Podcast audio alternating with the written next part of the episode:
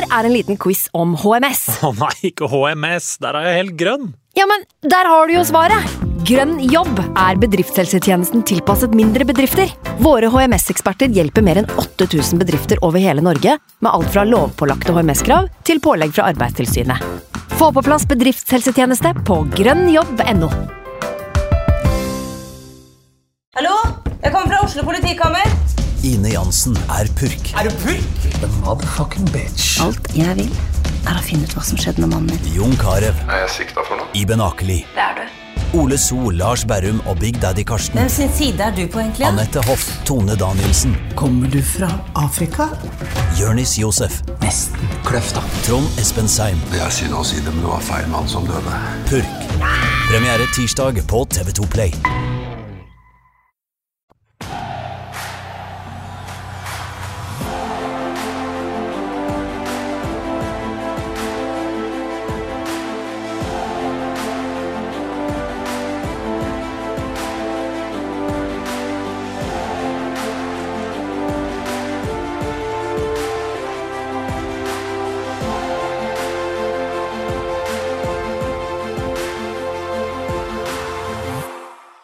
69 dager unna seriestart i Eliteserien, og det koker allerede på overgangsmarkedet. Forberedelsene til de forskjellige lagene er i gang.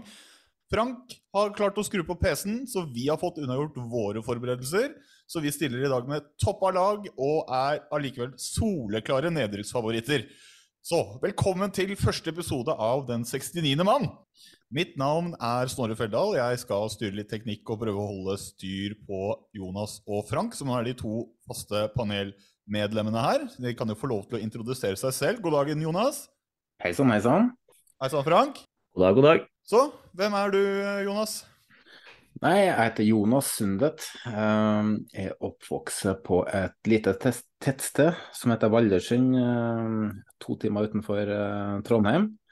Um, Da jeg var 18-19, så uh, tok jeg egentlig spontant og flytta ned til uh, Vestfold.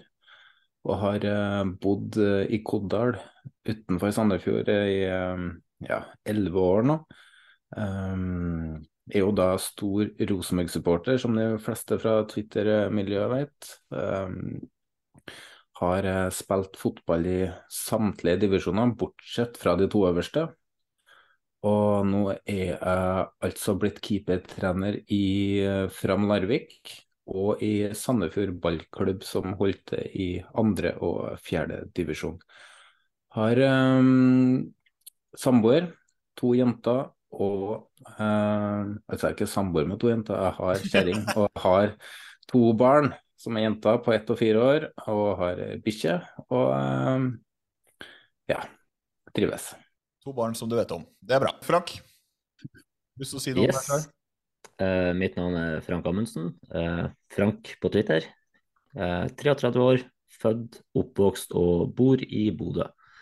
Naturligvis Bodø-Glimt-supporter. Fulgt laget i tykt og tynt så lenge jeg kan huske. Vært veldig mye tynt, og heldigvis litt tykt de siste årene. Uh, ifølge mor mi så var jeg på kamp første gang da jeg var to måneder gammel.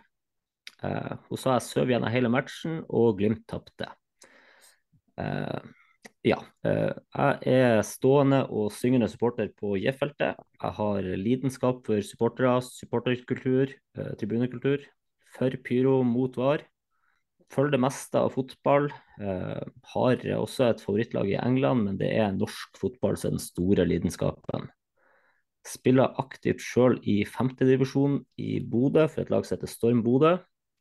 Eh, og som de fleste fotballspillere så har jeg også et ritual før kamp.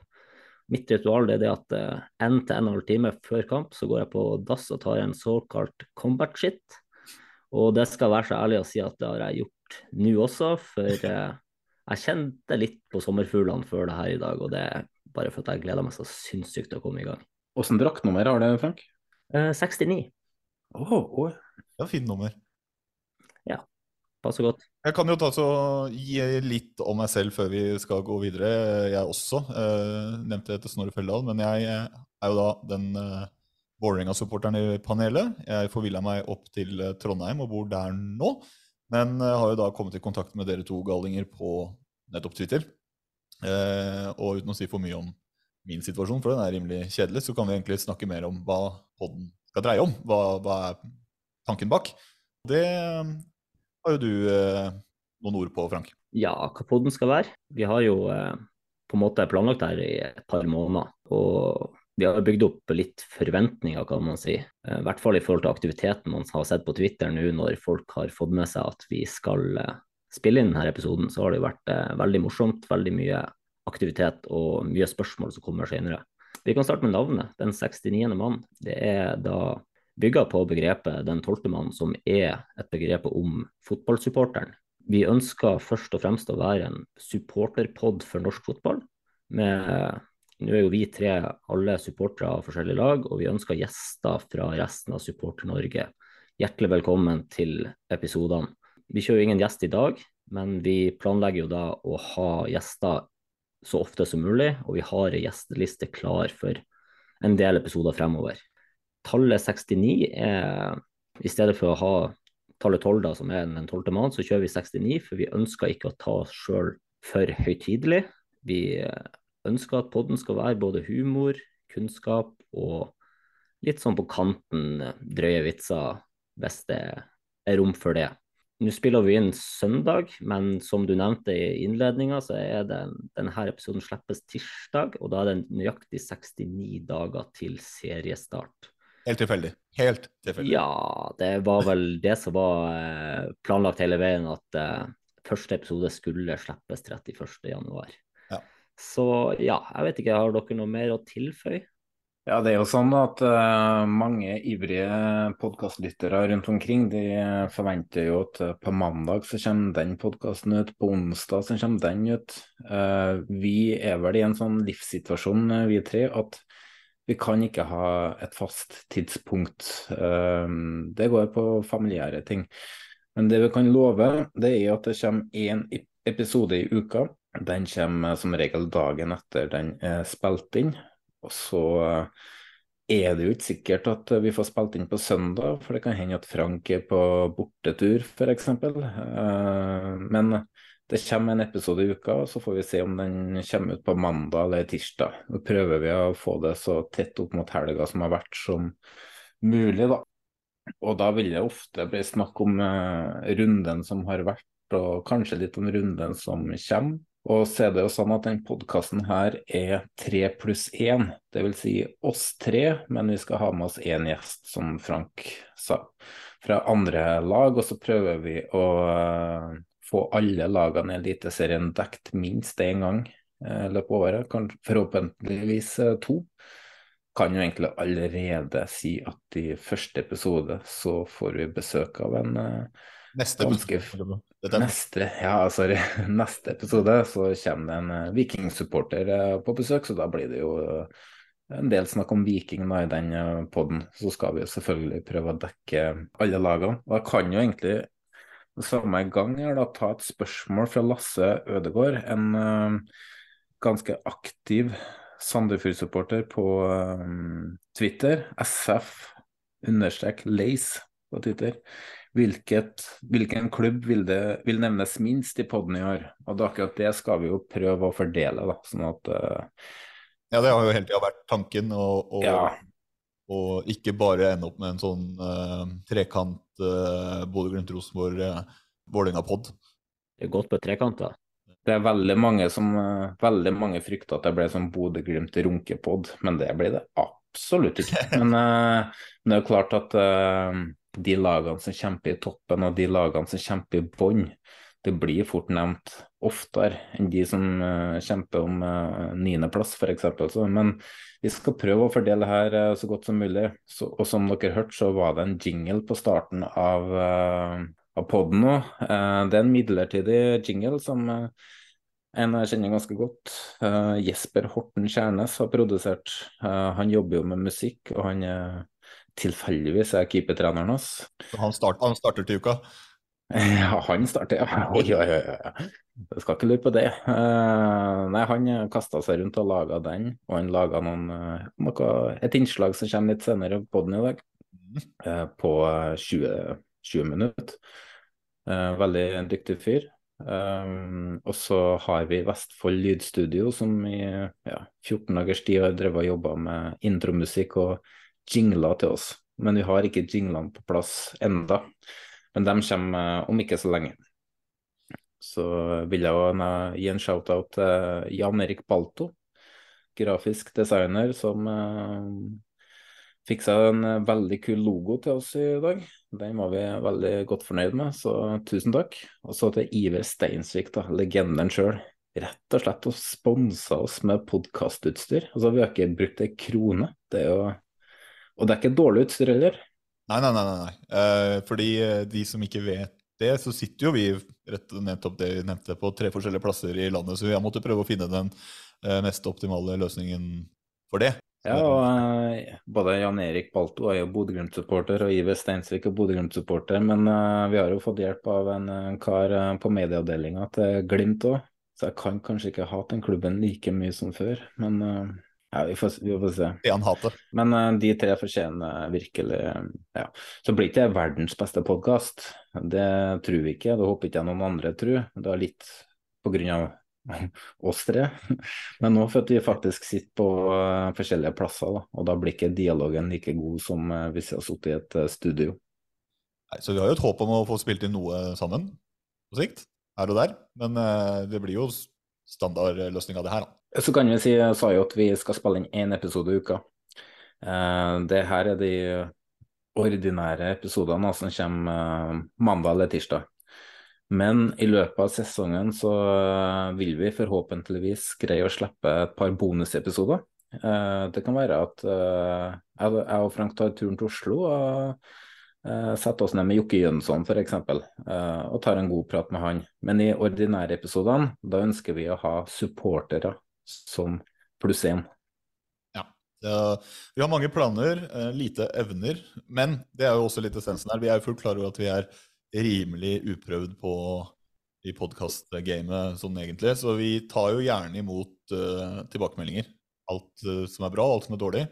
Uh, så kan du nevne at vi tar det på Twitter. Vi kan ta det også på e-post hvis man har lyst til å ta det der.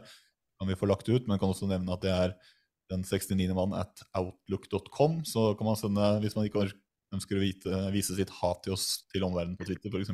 All, alle negative tilbakemeldinger blir jo i ren stay classy-stil sletta. Ja, ja. Automatisk. Ja, ja. ja, Men uh, vi tar det imot først, så vi sletter det. Men da har vi vel uh, fått uh, satt i gang podden forklart litt bak, så da kan vi egentlig bevege oss videre til å Vi må jo se litt på hvor er vi nå? Hvor er norsk fotball akkurat nå? Ja, og det vi tenkte da var å bare ta en kjapp gjennomgang av året som har vært. Og ikke det at vi skal bruke så mye tid på det. Folk vet hvordan det endte i fjor. Men uh, Molde vant gullet, og vi må dessverre bare gratulere. 78 poeng er knallsterkt. Nest høyeste poengsum i Eliteserien noensinne. De vant jo ikke serien for at de skåra mest. De hadde 15 mål mindre enn Glimt, og kun to mål mer enn Rosenborg. Men de hadde en sinnssykt defensiv struktur. Uh, slapp kun inn 25 mål på 30 kamper. Tapte kun to ganger og spørsmål til dere. Hvordan to lag var det som slo Molde i fjor? Uh, Viking trodde i hvert fall på um... 4-3 etter å ha lånt 3-0. Ja. Det var, det var den ene, ja. Jerv spilte uavgjort på Røkkeløkka. Lillestrøm 2-1 Stemmer. Mm. Stemmer. Lillestrøm og Viking slo Molde i runde tre og fem. Så Begge avgjort på, begge avgjort på overtid? Ja, det husker jeg ikke helt, men det er i hvert fall det at Molde gikk de siste 25 kampene gjennom Eliteserien i fjor ubeseira. Altså, de tapte ikke kamper etter det, nesten. Det var jo klart de snubla litt i Europa, men i hjemlig serie så var de uovervinnelige. Det snur. Ja, det, i år snur det. La oss eh, håpe. Ja. Uh, videre så Glimt tok andreplassen og Rosenborg tredjeplassen, og da er det jo de tre lagene som har innehar de her europaplassene til sommeren som kommer. Uh, det skulle spilles en cupfinale nå på våren. Uh, hvis vinneren av cupfinalen blir en av de tre lagene, så går siste europaplassen til Lillestrøm, som fikk fjerdeplass. Uh, også nevne at Jerv og Kristiansund rykka ned, og Brann og Stabæk er endelig tilbake i Eliteserien.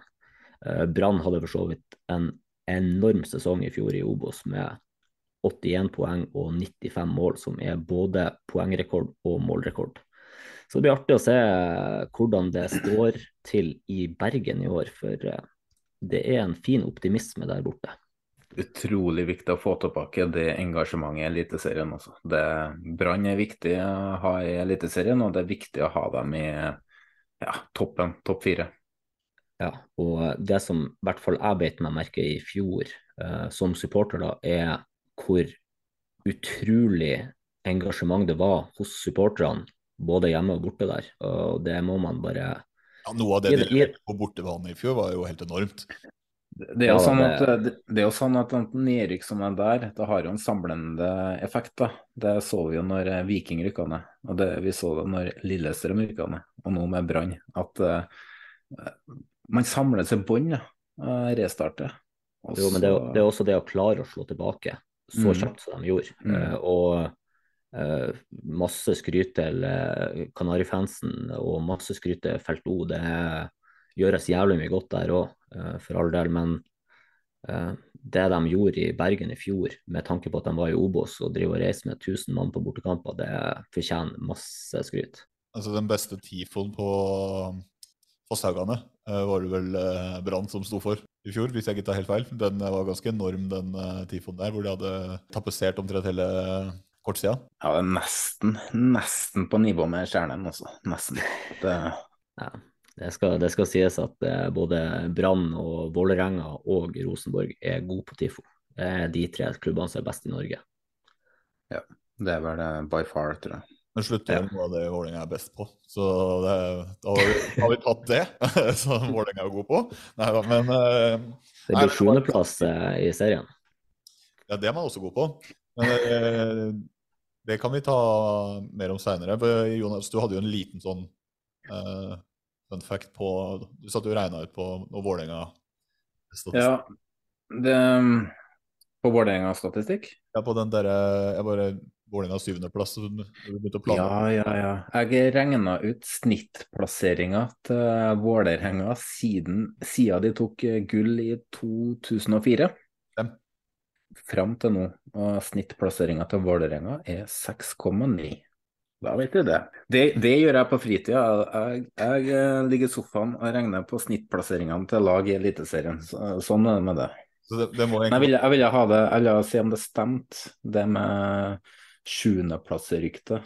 6,9 er ganske nært, da. Men, ja, det, det, er ganske nært. Og det som er synd, er jo at den statistikken ryker jo denne sesongen her uansett, for du kan ikke havne på 6,9.-plass. Ja, men uh, det var ganske mange desimaler, da, så det kan jo hende at det blir 6,99, eller uh, Ja, hvis det blir syvendeplass, er det fortsatt 6,99, eller? Ja, sånt, det kan være noe sånt. Men hvis du runder ned til uh, eh, 6,9 fra 6,99, da er du gavmild. Ja, det... Etter, uh, men, nei, men det, da har vi fått det ut av verden, i hvert fall. men du hadde vel litt flere tanker, Frank? Ja, det jeg syns man ser en veldig oppadgående trend på i Norge, er jo dette med økonomi rundt spillerkjøp og spillesalg. Og det på veldig mange måter, så Man kan jo gå historisk tilbake, men på veldig mange måter så starta noe i januar i fjor, da en viss Erik Botheim plutselig kom et bud på, med en totalpakke på 100 millioner fra Russland. Nå får jo Glimt aldri hele det beløpet. De får vel en rundt 70, jeg husker ikke helt nøyaktig. Men Eh, Vet du om de får penger på det fortsatt, eller om det stopper? De, de, har fått. De, har fikk, fått... jeg tror det var mellom 60 og 70. Ja da, og det har vært, de delbetalingene som har vært, har kommet inn til riktige tidspunkt hele tida. Det har man fått bekrefta fra kilder i Glimt. Så eh, det er, selv om at uh, det er en de viser, de viser god moral i Russland, ja ja, det, det, det, ja, det jeg skulle si er det at selv om at det, ting er som de er der borte, så er det i hvert fall eh, noen som driver klubbdrifta riktig fortsatt. Videre så så man jo også en rekke andre salg, eh, bl.a. et lag som jeg så på som en av de virkelig hete medaljekandidatene i fjor. De solgte jo unna han eh, Joe Bell og han eh, Sebulonsen før eh, Ikke før sesongstart, men han Bell gikk før sesongstart, og han Sebulonsen gikk, gikk vel til sommeren, og så gikk han Berisha òg plutselig. Og Nå er han Berisha tilbake igjen i Norge, men det kan vi jo snakke om litt senere i en annen spalte.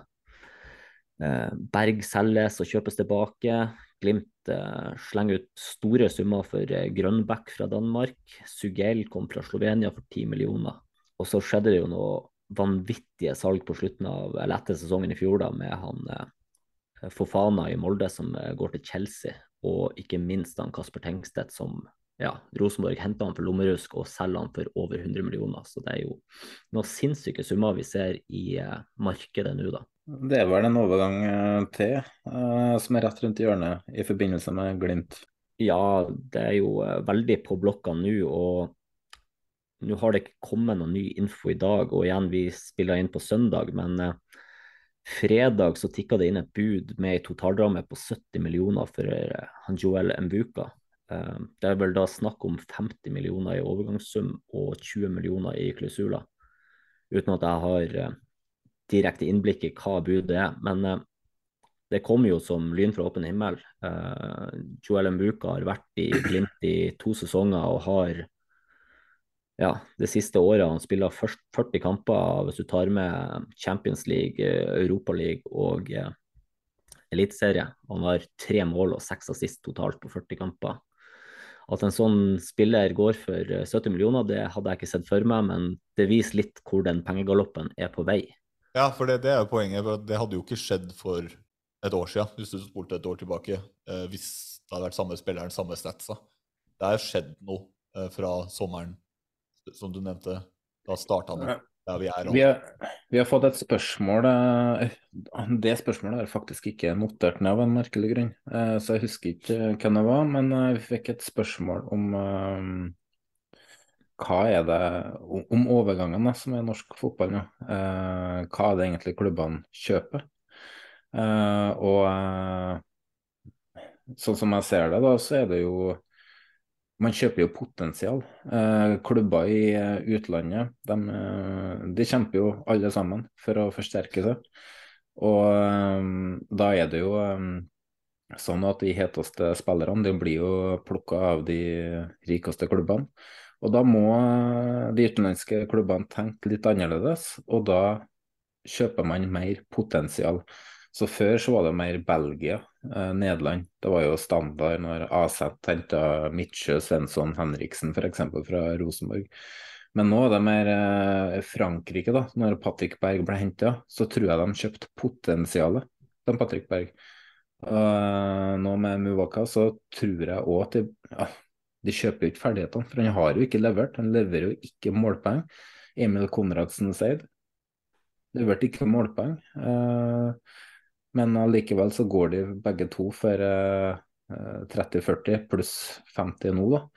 Så du mener at uh, stats, mål, assist, målpoeng rett og slett, er mindre viktig for de kjøpende klubbene i Europa nå?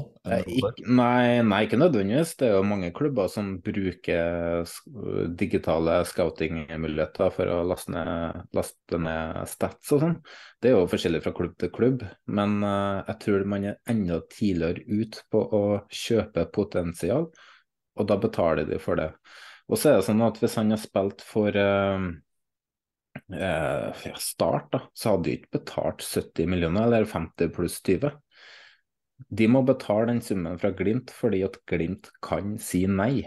Samme med Rosenborg. Eh, hadde Kasper Tengstedt spilt for Vålerenga, så hadde jo de solgt for 20. Men Rosenborg var fast bestemt på at de selger ikke. Det skjer ikke. Og da må de opp på den summen der. Jeg syns et godt eksempel der er salget av Mikkelsen fra Tromsø. Mm, veldig godt. For, for Mikkelsen går for ja, det er vel i totalramme på 20 millioner, men de får vel 15 millioner nå. Mye tyder jo på at han blir å prestere i svensk liga, og Tromsø ender opp med ca. 20, da. Men eh, Tromsø har solgt Kamanzi, Kitolano og Mikkelsen, som i mine øyne var kanskje deres tre beste spillere i fjor. Og de har ikke henta mer enn hva, enn 30-35. Går man til Haugesund og ser eh, salget de gjorde, som ble bekrefta i dag, av han Seferis, Seferis Safaris så har de fått ca. 30 millioner fra Slavia Praha på én spiller. Og det som er litt artig med det, eh, at de får 30 millioner for han, det tror jeg gjør at Vålerenga justerer prisen på Osame. For de har sagt at 20 millioner, da selger Osame Serawi. Men når Safaris går for 30, da tror jeg det gjør at uh, uh, Vålerenga tenker seg godt om før de sier ja til 20. Uh, så han tipper jeg faktisk blir i Vålerenga, signerer en ny kontrakt, og så forsøker de kanskje et salg til sommeren. Ja, jeg sitter litt med den eh, følelsen at eh, spesielt når man så Safaris eh, til 30, eh, og det har ikke vært uaktuelt for eh, Osame å signere ny, så tipper jeg det kanskje lages en eh, forlengelse på et år, i håp om å kanskje dra inn nettopp 30. I så fall en eh, lojalitet vi sjelden eh, ser, eh, i hvert fall veldig lite av. Men eh, Men en, en ting jeg lurte på, Frank, for du sa jo at Tromsø måtte selge. Men de hadde jo, som du sa, de har jo solgt eh, Kamanzi og Kitulano før. Stod, står liksom så dårlig stilt opp i Tromsø at eh, de måtte takke ja til 15 nå for Mikkelsen, eller er det Tromsø det sto jo veldig dårlig til der oppe før jul. De landa jo på et eh, lån. Nå husker jeg ikke helt nøyaktig hvem det var som ga de lån, om det var ordfører og kommune eller hva det var, men de hadde jo et lån som måtte være betalt innen nyttår. Men det Og- tror jeg, ut ifra hva jeg har hørt, så ordna det seg med de to første salgene. Ja, det, det at Kamanzi og Kitolano eh, gikk jo samla for litt over 10 millioner, de to. Jeg husker ikke helt nøyaktig summa, men det lånet var betalt ned på de to salgene, og så var det vel noen kroner til overs. ja, Så de fem Eh. på Mikkelsen som de får garantert, det er liksom en eh, livslinje som de tar, for da veit jeg da kan de senke skuldra lite grann. Type må selge mekanisme. Ja, jeg tror jo det at eh, det salget nå gjør at de er bedre økonomisk rusta for, for å kunne hente nytt, da, for å kunne satse på nytt, men samtidig så selger de jo det største potensialet de har. Eh, De selger jo på en måte juvelen deres. Og så, så tenker jeg det at vi skal sikkert komme med en episode uh, litt ned i veien her der vi inviterer uh, Tromsø-supporter som gjest, og da kan vi sikkert få et dypere innblikk i akkurat situasjonen i Tromsø. For jeg vet at det er mange supportere der ute som har eh, god koll og peiling på det. Og så jeg tror jo også, hvis, kan, hvis jeg kan legge til det, jeg tror jo det er jo også en eller annen form for tilfeldighet inne i bildet her. fordi det er jo ikke sånn at det står sånn i, til i Haugesund at de kan si nei til hva som helst heller. Så det handler jo litt om hvor klubben som er interessert, legger seg fra start også, hvor mye penger de har. Mhm. Det går jo litt på nettopp at du har riktig klubb for deg, da, som kommer inn og sier vi skal ha denne spilleren, så vi, vi legger de penga på bordet fra start. For, for meg er det litt mer, mer overraskende at Safari scorer for 30 enn Mubaka for 50. For at Glimt hadde jo kommet og sagt nei hvis det kom et bud på 30-40. Det er jeg sikker på med, tanke på med tanke på at de skal spille um, Europacup nå, og uh, har, har lyst til å ha de spillerne de har. Ja da, troppen i Europa er tynn. Mm. Jeg bare lurer på, Frank, vet du noe om de 50 millionene, om det var første bud? Eh, nei, eh, som sagt eh, i stad, at eh, det budet her det kom for meg og veldig mange andre som lyn fra åpen himmel. Ja, så Så skal det sies at eh, det her Laurent, eller hva det heter, Frankrike som har kommet med budet, da, de har jo sett på Glimt-vinger tidligere. Uh, uten at jeg kan bekrefte det helt, så har jeg hørt at de så på han Solbakken for ett år siden. Uh, men de gjorde ikke noe framstøt da, og det jo- var vel litt på økonomien deres. Og de har også solgt en høyreving nå til eh, Premier League, som gjør at de må ha inn en ny en. Tenk deg, å gi første bud, og så får du ja på et kvarter. da har du bomma litt. Men når vi snakker om summer, overganger og sånn, så tenkte jeg skal ta med en reise fra år 2000 til i dag. Og det passer litt bra, for eh, mens jeg drev og jobba med det her, så fikk vi inn et spørsmål fra Vinit Andersen. Tanker om beløpene norske klubber selger for nå, ikke bare toppklubber som selger bra. Det jeg har gjort, er at jeg har, eh, jeg har ikke tatt for meg hvert år fra år 2000 til i dag, men jeg har gått litt eh, Hoppa litt ut ifra der det har eh, blitt litt endringer da, i overgangssummer og sånn. Så vi kan starte i år 2000-2001. Jeg bruker da transfermarkt. Eh, De pleier å stemme sånn noenlunde. Og så har jeg sittet med valutakalkulator, og der har jeg brukt dagens valuta. Jeg gadd ikke å bruke mer tid enn det. Og så er det up front-summer. Det er uten bonuser. Og så er det sånn at det er sommer eh, Altså det der opererer jo etter eh, vin, eh, internasjonale vinduer. Så her er det, hvis vi tar f.eks. Eh, år 2000 til 2001, så er det sommeren 2000 og januarvinduet 2001. Og der ble det solgt spillere for 210 millioner. Eh, det er ikke bare ut av Norge, det er òg interne overganger i landet. Uh, I de summene så er det jo bl.a. Karev da, som er registrert på uh, 85 millioner. Uh, Bjørn Otto Brakstad, Ragnvald Soma, Jan Derek Sørensen og Rune Lange som ble solgt ut av Norge. Spillere som ble kjøpt av norske klubber, det var jo Janne Sarinen, Espen Johnsen, Mariel Baldvinsson, Martin Knutsen, Ståle Stensås. Og så har vi 2001-2002. Da går det jo kraftig ned. Da har det gått fra 210 millioner inn til 60 av de summene så er det Tobias Lindroth og Trond Fredrik Ludvigsen som eh, ble solgt for mest ut av Norge. I 2001-2002 så ble det bare kjøpt for 8 millioner. Det sa noen fint til Patrick Berg. I Norge fra utlandet? Altså, norske klubber brukte 8 millioner på spillerkjøp. Oi. Eh, I 2003-2004 så ble det solgt for 29 og kjøpt for 25 i 2004-2005 så ble det solgt for 117 millioner. Av de 117 så ble det en del på Panserhagen eh, som gikk til Zenit, Gamst som gikk til Blackburn, Olofeniana som gikk til Wolverhampton, Caradas til Benfica, Magne Hoseth til København. Eh, da ble det faktisk brukt 61 millioner. Det innebærer bl.a. Mikke Dorsin, Bengt Sæternes, Torstein Helstad. Eh, så igjen interne overganger i Norge, og noen uh, kom jo fra Strasbourg i Frankrike.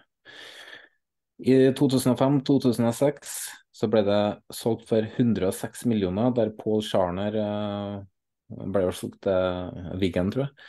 Og så ble det brukt så mye som 88 millioner. Martin Andresen og Alexander Ødegaard, Oliver Ocean osv. 06-07 310 millioner ble det solgt for en norsk fotball, og det ble kjøpt for 161. Eh, men av de 310 så gikk jo 200 til John Obi Miquel. Mm. Eh, så hopper vi til 2009-2010. Da ble det solgt for 115. Eh, men mye av det var jo Mambiram Diouf til United, Alexander Tetti til Renn, Marek Zappara og Bjørn Helge Riise. Og kun brukt 41 millioner. Så hopper vi til 2012-2013. Så ble det solgt for 302 millioner. Det er ganske mye. Der har vi bl.a. Vegard Forren, som var dyr. Bjørn Bergman, Sigurd Larsson, Håvard Nilsen, Valon Berisha, Markus Henriksen, Jim Larsen, Kara fra Tromsø, bl.a. Men det ble også kjøpt for 100, bl.a. Hamed Allah, som spilte VM akkurat. Så går vi til 14-15. Da er vi ned på 178. Det var det året Martin Ødegaard bl.a. ble solgt. Men det ble solgt for 178, men det ble kun kjøpt for 10. 10 millioner, altså, i 14-15. I 18-19 så ble det solgt for 211 millioner. Det er bl.a. Evjen, Ejuke, eh, Frank Poli, Torstvedt, Lajoni, Børkeie som, av, eh, som ble solgt ut av landet. Og så ble det brukt 77. Og Det er det året vi egentlig skal hoppe litt tilbake til etterpå, når vi skal sammenligne. For det var siste overgangsvinduet før korona. Eh, for i 2020-2021 så eh, ble det solgt for 210 millioner, som bl.a. var Jens Petter Hauge og, og Junker.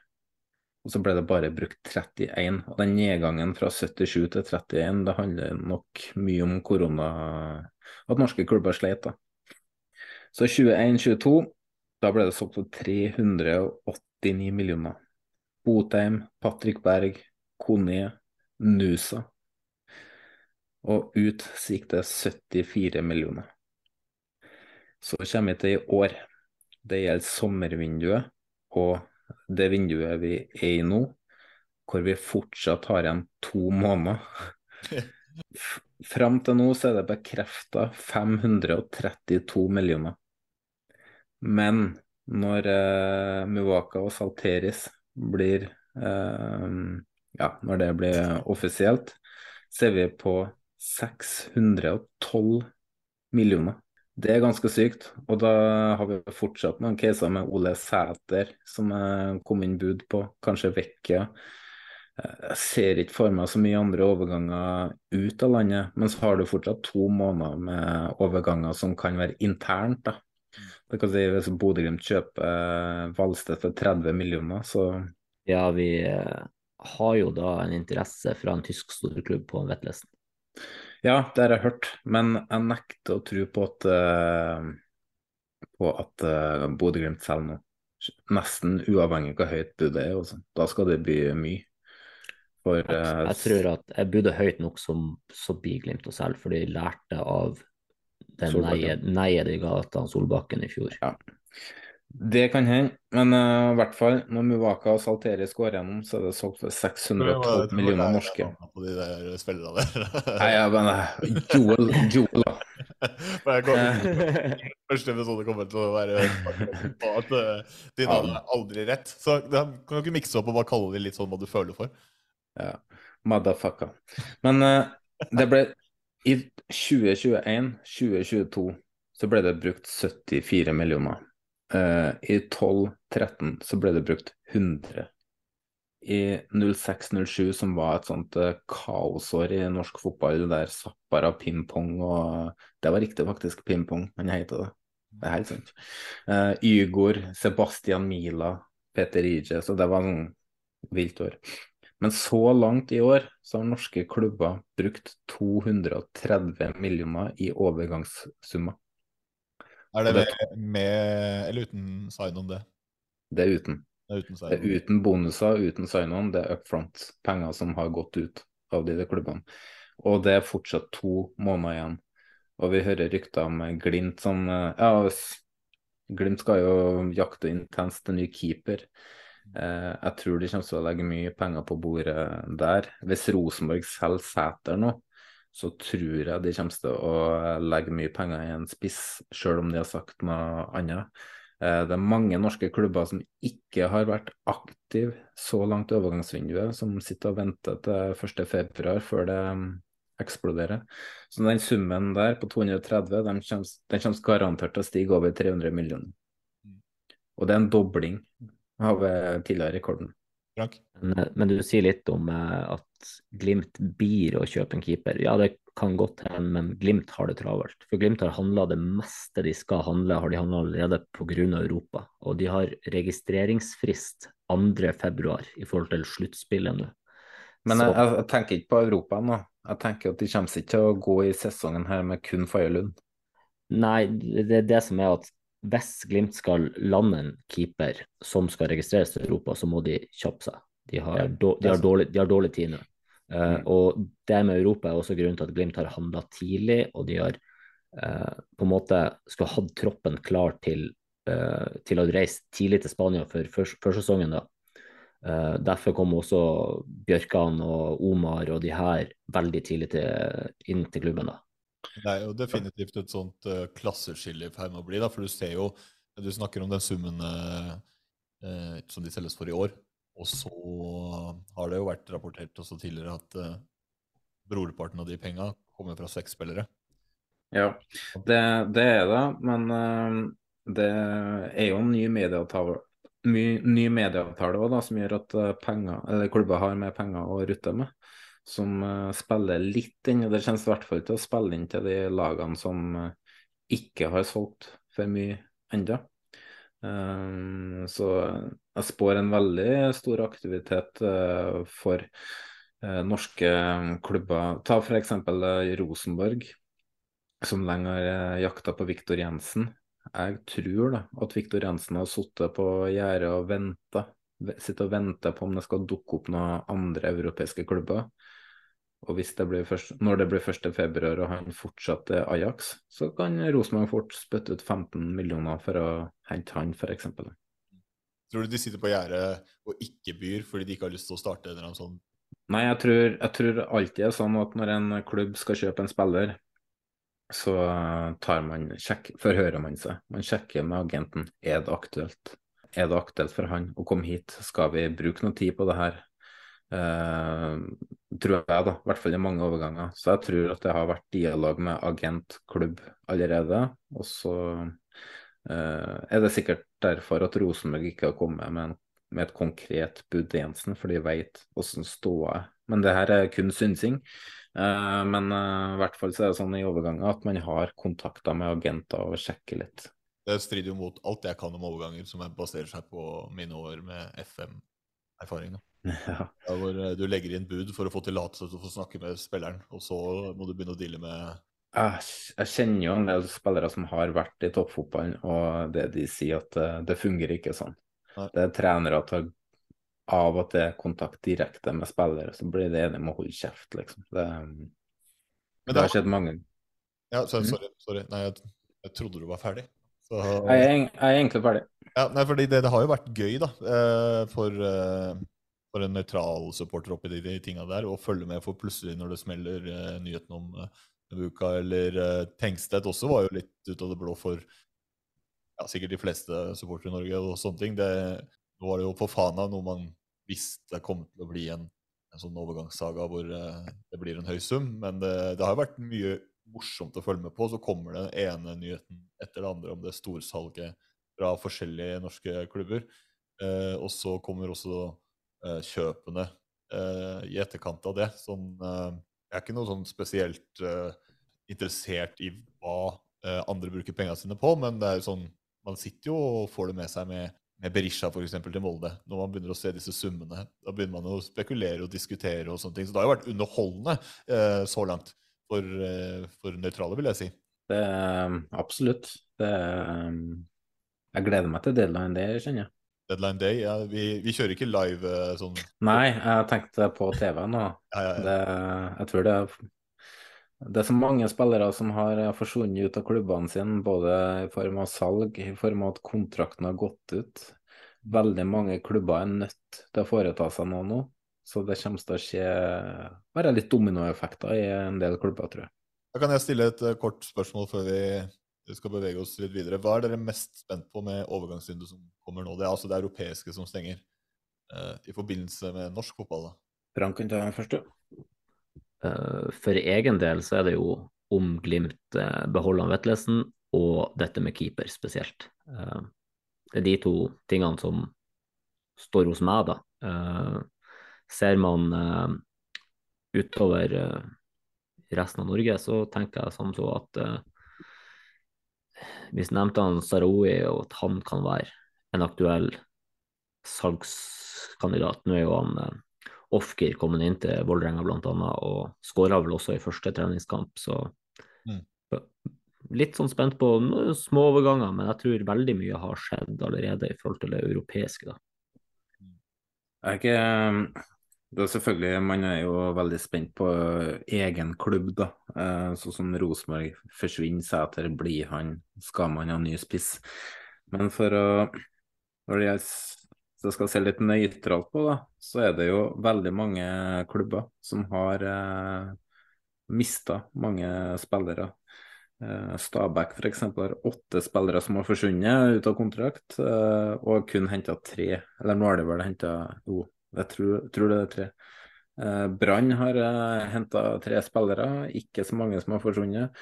Men HamKam, tolv spillere har forsvunnet fra fjor. Tolv spillere som var delaktige i kamptropper og eh, eh, som starta, uh, bl.a. Kurushai, eller hva han heter, og um, Markus Pedersen bl.a., Aminori. Um, og så har det kommet inn bare ja, det er Udal Norheim. Uh, så henta de Tore André Sørås fra KFUM, og så henta de keeper nå. Og så Ålesund, flere spillere som har uh, forsvunnet uh, ut av kontrakt. Kun to spillere inn. Og Tromsø, da, som har mista sentrale spillere, som helt sikkert jakter på nye inn. Det er jo heldigvis tid igjen for de norske å handle, men det ja, jo, jo da, det, det er jo det, men de er nødt til å foreta seg ganske mye. Og så er jeg veldig spent på Odd. da. De har mista Lekven, som har lagt opp Hoff, eh, som var på lån fra Rosenborg. Rolandsson forsvinner. Diomande, som var på korttidslån og skada. Kastrati har lagt opp Bjørntuft til Bodø-Glimt, og ingen inn. Ikke sist jeg sjekka, i hvert fall. Sandefjord. Eh, hm? Sandefjord. Sandefjord, ja. Der uh, har det vært litt uh, Der har det vært litt action. Eh, jeg har jo notater på det en eller annen plass her. Det har i hvert fall vært mye ut. Det kan man jo si. Ja, jeg har ikke det. Jeg tror det er Jeg husker ikke mange spillere som har forsvunnet fra Sandefjord, men det er veldig mange sentrale. Og det som er litt et spørsmål, da. Frank har kanskje svaret. Hvis du er en klubb som har veldig lite penger, og så skal du kjøpe nye spillere, hvor henter du de spillerne? Eh, Jeg tenker jo umiddelbart at du må se i egne rekker hva det slags talenter du har til rådighet. Og Men hvis du hater å bruke egne talenter, som Sandefjord gjør, da? jo, da må man jo se lokalt ned i divisjonene der det kan være billig å hente. Men eh, Sandefjord har jo hatt talenter de siste årene som har gluppet mellom fingrene på dem, for de har en trener som nekter å bruke talenter. Mm. Men uh, som jeg ser det, altså, hvis du skal hente billig, så må du til utlandet. Hvis ikke du finner noe ned i divisjonene. Men hvis du skal hente kvalitet som kan komme inn og forsterke relativt fort, så er det vanlig at uh, klubber ser til utlandet. Og du har en maksgrense på ti spillere, tror jeg, i uh, Eliteserien. Uh, Sandefjord har elleve utlendinger nå, så de har jo et problem. Det er et kjempeproblem. Uh, De, så de har rett og slett én spiller de ikke kan registrere til neste. eller- ja, sånn ut, ut ifra hva jeg har funnet så tror jeg det stemmer. Fikk Så vet jeg at for uh, off-keer, da, men det, det er vel ikke sånn at uh, det bare er grønne tall der heller, kanskje. Det har jo vært, det har vært tøffe tider der også, så vidt jeg har forstått det. Sandefjord, eh, de jobber egentlig Altså, de har en eier, da. Jeg er litt usikker på hvordan økonomien er og hvor mye penger eh, Om det går i minus og sånn, men eh, jeg tror de Jeg vet at eh, Bugge har hatt lange dager på jobb, eh, i hvert fall årene før. Eh, og nå har de på en måte redda seg litt inn med, med salget av Ofgir, og det er jo 2,5 pluss 2,5. Og, men de har ikke fått solgt noe annet, og de har ikke muligheten til å selge noe annet. Så fikk de noen kroner fra Sindre Valle Egeli, som gikk til akademiet i Nordsjælland. Skal sies at de, de fikk mer enn de skulle ha òg, fordi Nordsjælland uh, følte for å gi det. så det er ganske fint. Eh, så, Aldri feil, med litt sånn veldedighet. nei, nei, nei. Ta en mil ekstra, det, det ser du. Ja, det tar det. Jeg er ser sånn det. ovenpå, jævla ovenpå nedholdning fra Nordsjælland der, altså.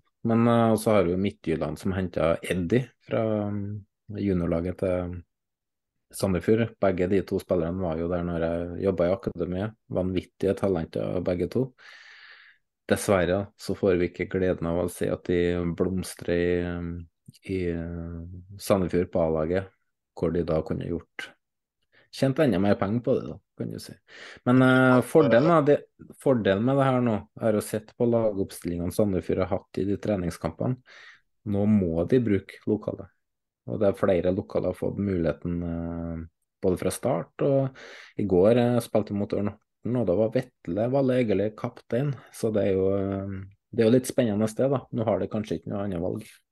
Det er jo sånn der desperate times uh, calls for desperate measures, er det ikke det det heter? Så det blir spennende å se. Og det er vi i uh, den podkasten her, 69 mann, vi skal jo følge utviklingen i overgangsmarkedet videre og snakke litt om det så lenge det er noe nytt å melde, og prøve å få med oss det viktigste, og kanskje det som ligger bak. Eh, Det er jo tanken, men eh, vi må egentlig gå videre til eh, hva overgangsmarkedet også får fram, da. Fordi det er jo én spesiell overgang som har eh, kanskje markert seg som den mest kontrasielle så langt. Eh, det er jo ikke noe hemmelighet. Tenker på mordor. Dine ord, men eh, det er mange, på hvert fall Viking-Twitter, som uh, føler at dette kanskje er en god match, for de vet om Berisha til Molde. Det, det, da ble det fyr i teltet, si sånn. Da, den har det vært mye skriveri rundt, og det har vært meldt fra supporterledere, og til og med stortingspolitikere har vært ute og, og meldt uh, i retning uh, Veton der og sånne ting. Så det har jo egentlig inspirert oss til å lage en spalte som skal gå litt igjen, for vi begynte å tenke nettopp på dette begrepet som har blitt brukt mye av Vikingtitter, altså slange. At Veton er en slange. Eh, så da skal vi, da skal vi prøve på noe eh, prøve på en eh, spalte som heter Slanger i paradis. Så konseptet er at vi vil gjerne ha eh, innspill på slangerkandidater. Sant?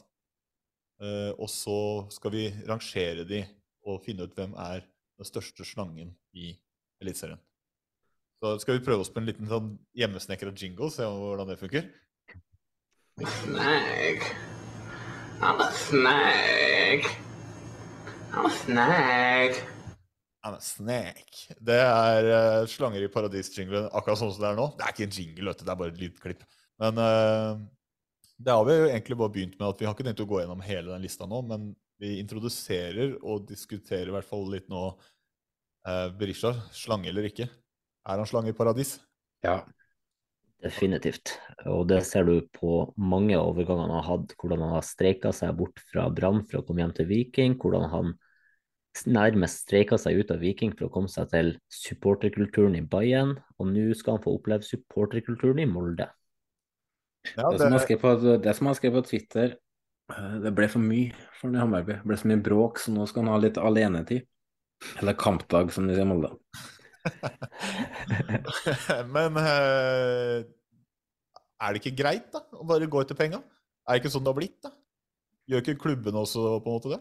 Jeg, altså, jeg, jeg syns også han er slangekandidat, men altså Kan man forvente at folk ikke skal bare gå etter penga? Nå er jo vi supportere, så da er vi følelsesstyrt. Men var det, det var ikke sånn at han ikke tjente penger i Sverige. Nei, det er sant. Det er sant. Det, han, han dro jo til Før Hammarby inne i bildet, så var det snakk om at han skulle ut. Det var siste muligheten han hadde til å dra ut av Norge og fylle opp lommeboka. Og så drar han til Hammarby og tenkte OK, kunstnerskatt, ja vel, et par millioner ekstra, OK. Og så forsvinner han etter et kvarter. Og så til Molde. Eneste argumentet jeg ser, er Champions League-kvalik. Men det har jo blitt mer og mer betent forhold mellom Viking og Molde. Molde har jo egentlig ikke noe betent forhold til noen, eh, for de skjønner jo ingenting. For når de får meldt noe, så svarer de jo de med 'stakkars oss', det er så synd på oss, uff meg, dere er så slemme. Eh, Det er jo det Molde-supportere reagerer med, i stedet for å svare tilbake med samme mynt. Men eh, Viking husker jo blant annet det banneret som eh, Viking-supporterne hadde. For en Molde-kultur. Ja. Som eh, Løkberg holdt opp. Og det ble jo ja, Det har blitt litt mer eh, betent, da. Jeg minnes jo den kampen eh, i fjor når Viking eh, snudde fra eh, 3-0-ledelse til pause. Til Molde, tror jeg det var, og så vinner de 4-3. Det var mye krast. Det var, de følte på meg at det her er rivalisering. Og um, Tror du Veton rett og slett dro til eh, Hammarby fordi han skjønte at Viking selger ikke direkte til Molde, at han ville til Molde allerede da? At han tok den omveien? Altså, er han, er han så slange at han bare brukte Hammarby? hvem, hvem som vil til Molde? Men la oss si kanskje Veton ville, da. Tror, du- ikke han gjort det? For han, ja, det er som du sier, han dro ut til Hammarby, og han måtte sannsynligvis ikke jobbe som Nei, jeg, jeg- på Stureplan i Stockholm heller, ved siden av eh, å spille fotball. Så han hadde det nok greit, men Jeg tror han gikk til Sverige, fikk kritikk for eh, at han ikke levde opp til summen han eh, eh, Forventningene som de hadde til han, for det var litt kritikk mot han, og det tålte ikke han. Og så skal han tilbake til trygge Norge, da. Så eh, Eh, Sånn eh, kort fortalt da, så er dette da en eh, spalte vi gjerne tar innspill på, eh, kandidater. Så vi bare klinker Berisha inn på lista som en mulig kandidat. Og så får vi vurdere andre over. Og det har jo vært andre som har reagert på andre spillere både nylig og eh, historisk sett også, så vi tar imot alt sånt. Eh, hvis ikke så må vi hoste opp noe sjøl. Men eh, Det blir jo rett og slett at til, til neste episode, når du får et navn, så skal vi vurdere om den personen er over eller under Berisha. I episode tre så er det over, under eller mellom, og så lager vi en eh, slangeliste. ja, slanger i paradis. Og vi får jo som sagt en vikingsupporter innom her neste, neste episode, så eh, gjerne send noe vikingrelatert. Noe, noe sier meg at eh, Veton kommer til å være på topp etter neste episode også. Sånn, hvis, det, er flertall i panelet som skal bestemme. tror ikke det er noe poeng å foreslå tripitch, i hvert fall. Nei. Men uh, det er i hvert fall uh, litt kickstart på en, uh, en liten gjennomgående greie der. Så uten å snakke for mye mer om det, så har vi jo noen felles eh, eh, på noen kandidater og sånn, men de kan vi spare til seinere. Så da drar vi heller eh, videre. Vi er jo i preseason. Det har vi jo snakka om litt. Det er naturlig med overganger osv. Det er jo en stor del av preseason. Men så har du eh, sportslig også, da, hvordan man ser ut. Det er jo en grunn for at folk kjøper spillere. og Det å selge spillere sine endrer jo også på hvor eh, konkurransedyktig man er osv. Så, videre. så vi tenker jo på sikt å ta et sånt tabelltips, sant? hvor vi eh, skal ha poddens eh, offisielle tabelltips før sesongen starter. Den tar vi når det nærmer seg, når ting har satt seg litt på overgangsmarkedet. Jeg tenker at vi kan ta den som en bonusepisode. Ja. At det, for at den, den episoden blir jo, kan jo bli veldig lang. Ja, så vi, vi skal ikke ta det tabelltipset nå, men jeg tenkte at vi skal følge også preseason. For det, det er ikke akkurat sånn at det skjer altfor mye obligatoriske kamper ennå. Det kommer jo noen for dere, Frank. Men uh, for de aller fleste så er det en stund å vente, så det er preseason vi skal gjennom nå. Og uh, da er det jo greit. Hva er liksom status hos de forskjellige klubbene? Hvordan er styrkeforholdet? Hvem har tatt steg siden i fjor? Hvordan, hvem uh, er i ferd med å ramle av lasset allerede nå, osv.? Kan ikke sette opp en sånn tabellbolk, da? Eh, Vi trenger ikke å si førsteplass, andreplass, tredjeplass, men vi kan eh, kikke litt nå på hvor vi tror eh, lagene blir å kjempe hen. Ja, jeg, har gjort meg noen tanker om hva som sannsynligvis er medaljelagene, og hva som sannsynligvis er utfordrerne bak medaljelagene. Og jeg, jeg håper jo selvfølgelig at det skal komme noen overraskelser inn eh, blant de her lagene, men for meg så er det på papiret så er det Glimt, Rosenborg, Molde øverst, de tre. Ikke i den rekkefølgen nødvendigvis, men og så er det naturlig at Lillestrøm, Vålerenga, Viking og jeg tror også Brann kan være sånne utfordrer, utfordrerkandidater. da. Uh, Nedfor det så føler jeg at det, ting er litt mer åpent. Uh, uh, og håper Jeg er, jeg er enig i um, seks av syv lag du har nevnt nå.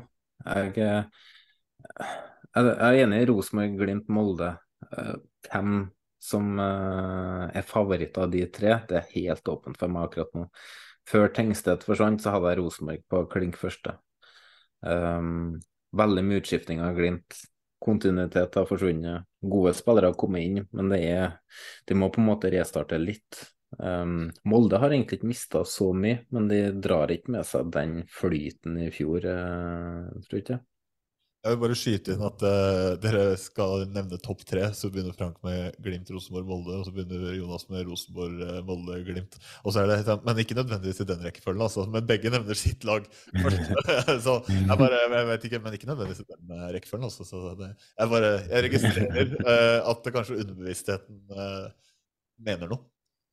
Det kan være. Det kan være. Jeg er for enig, jeg også, men jeg vil bare nevne det at jeg er ikke helt sikker på om Brann er så overraskende for meg at de skal være der oppe. Jeg tror de kommer til å være der. Og det er for meg, sånn som det er akkurat nå, så er det nesten mer overraskende hvis Viking er der oppe. For hvis du ser på Mhm. hva de leverer på siste halvdel Ja, de har potensial som klubb til å kunne snu dette rundt og melde seg på i den gruppa som kommer bak de tre. Det er jeg enig i. Men eh, jeg ville satt uh, Brann som en mer sannsynlig eh, kandidat inn der, akkurat sånn som det er nå, da.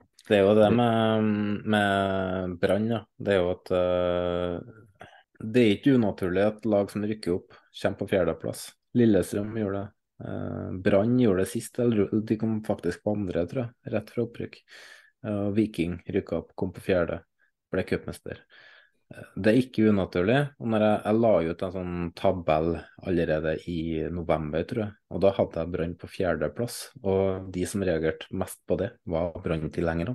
Ja, øh, tenkte på det her med Viking, da, og jeg er helt enig i det at det var noe som skjedde med den klubben. De falt helt i staver, og ja, det, de så ikke ut siste halvdel av sesongen. Men de har hatt en tendens til å finne den nye optimismen igjen. Og nå bare det at de stikker med over 1000 mann til Sandnes for en bortetur, og kan de vant 4-0, eller hva det var?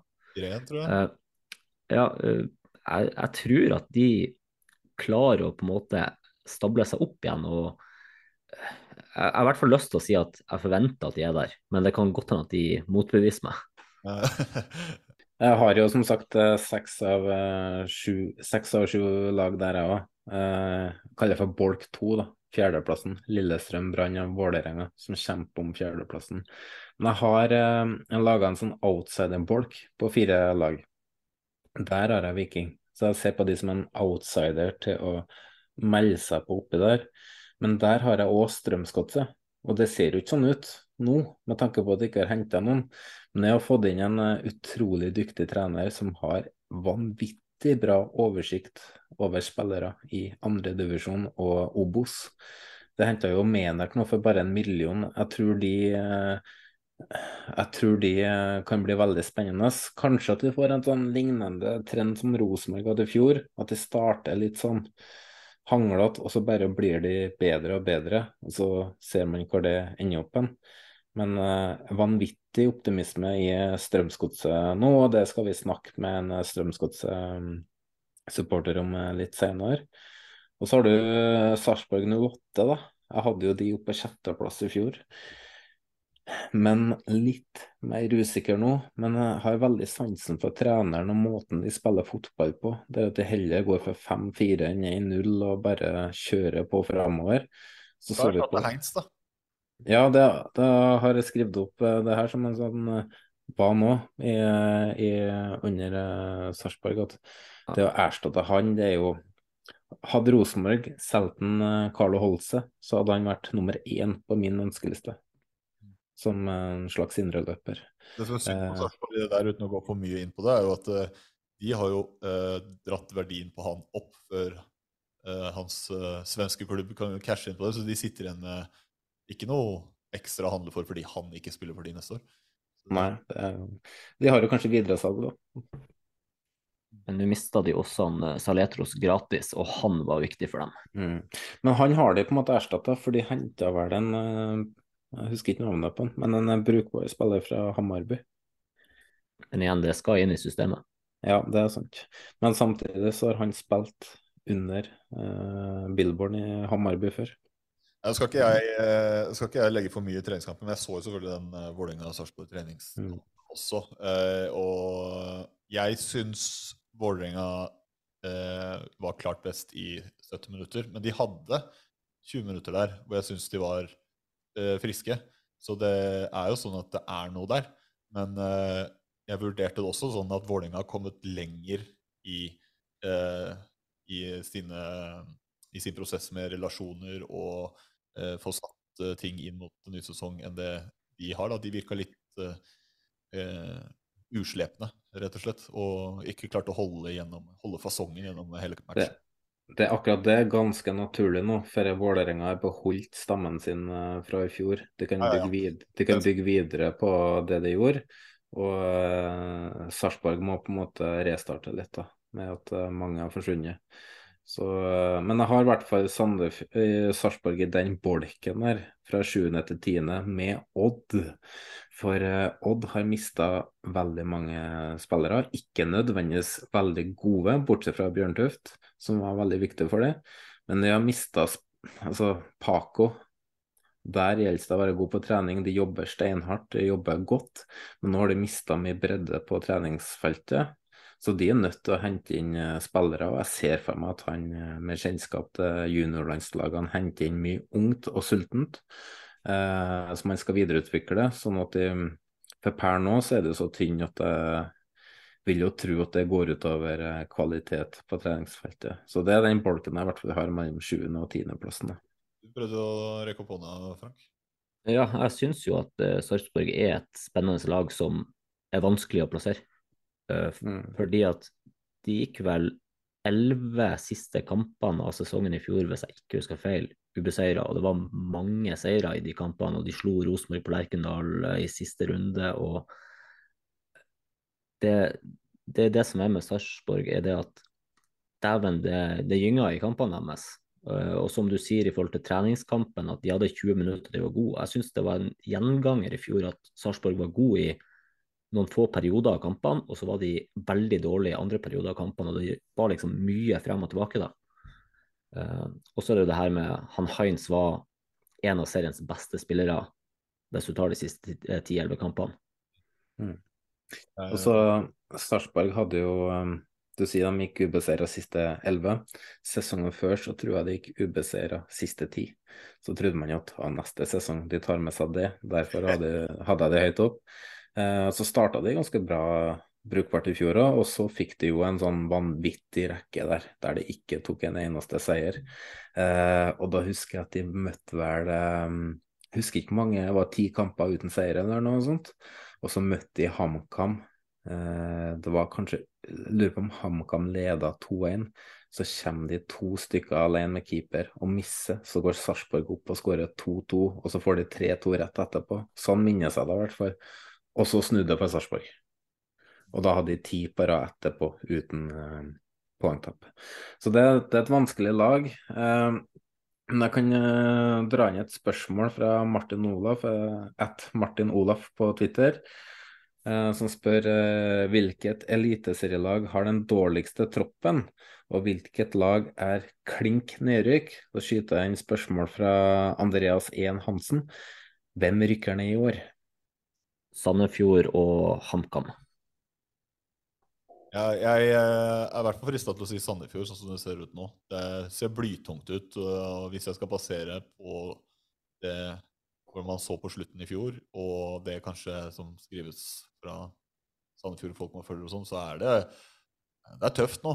Så den, akkurat nå er det klink. Men de skal ha én ting, da, og det er jo at de har jo spådd de ned hvert år. Eh, tre, tre, sesonger på rad, ja. ja. Og det har vært sånn den soleklare. Og så har de fått den der gode perioden og spilt seg opp, så har det, har det gått greit allikevel. Men akkurat nå så føler jeg at det kanskje er noe litt annerledes. At det er litt på stålet, da.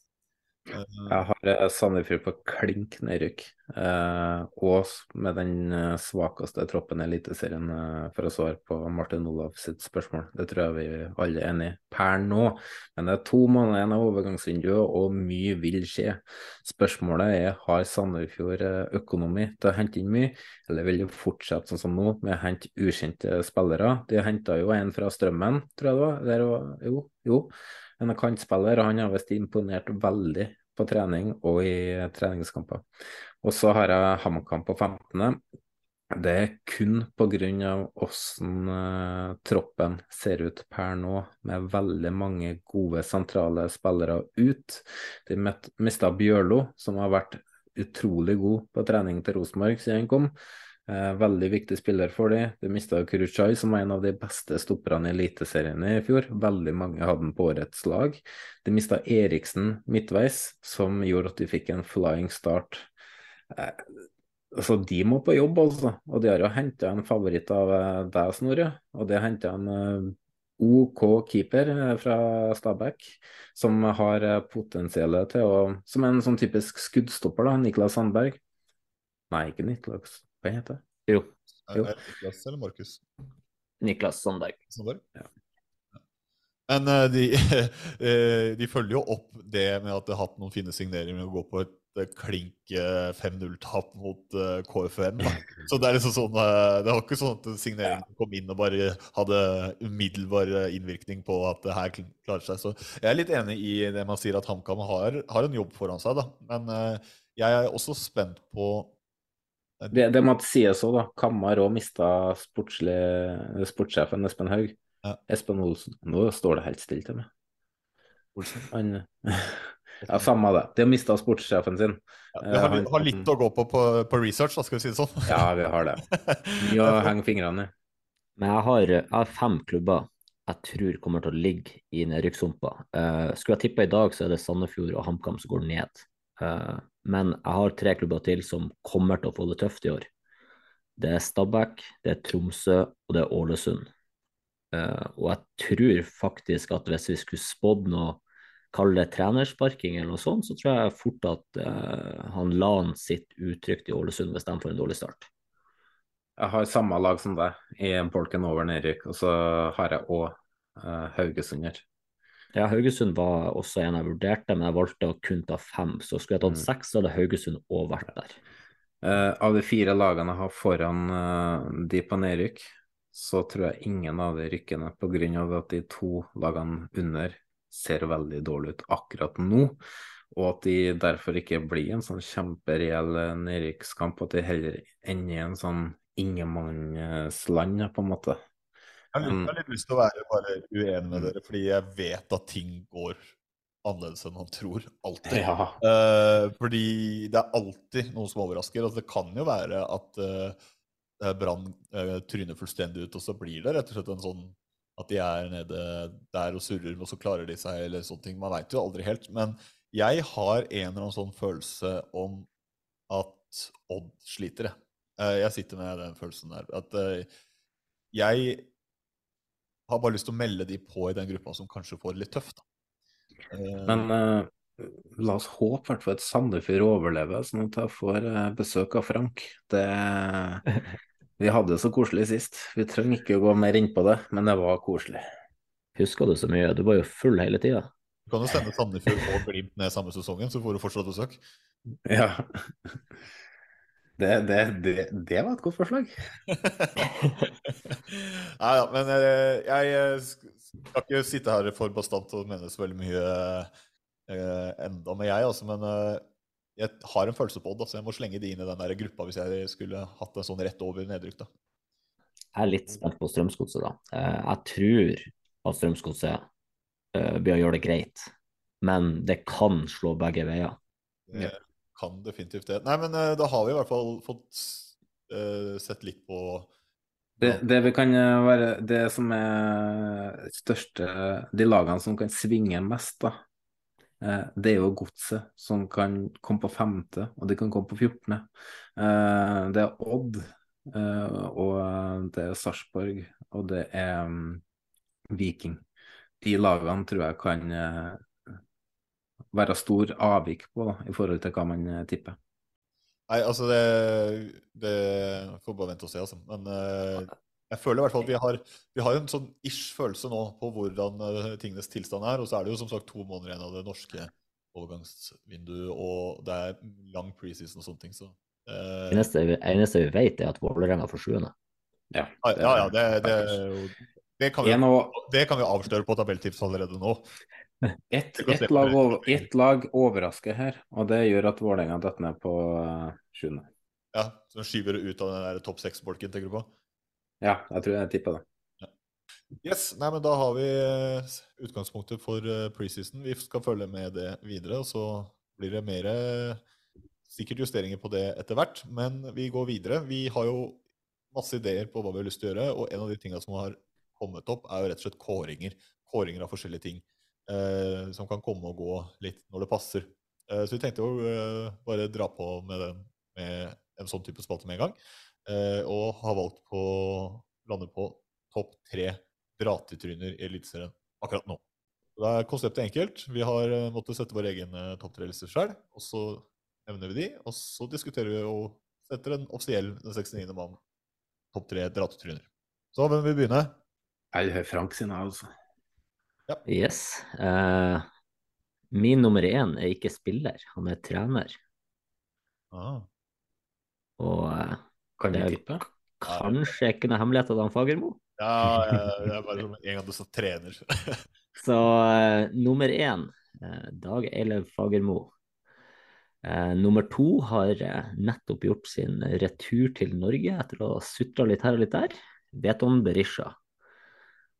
Og nummer tre, eh, litt fordi at han har vært en Glimt-spiller før, slengt litt med kjeften, Amor Lajoni.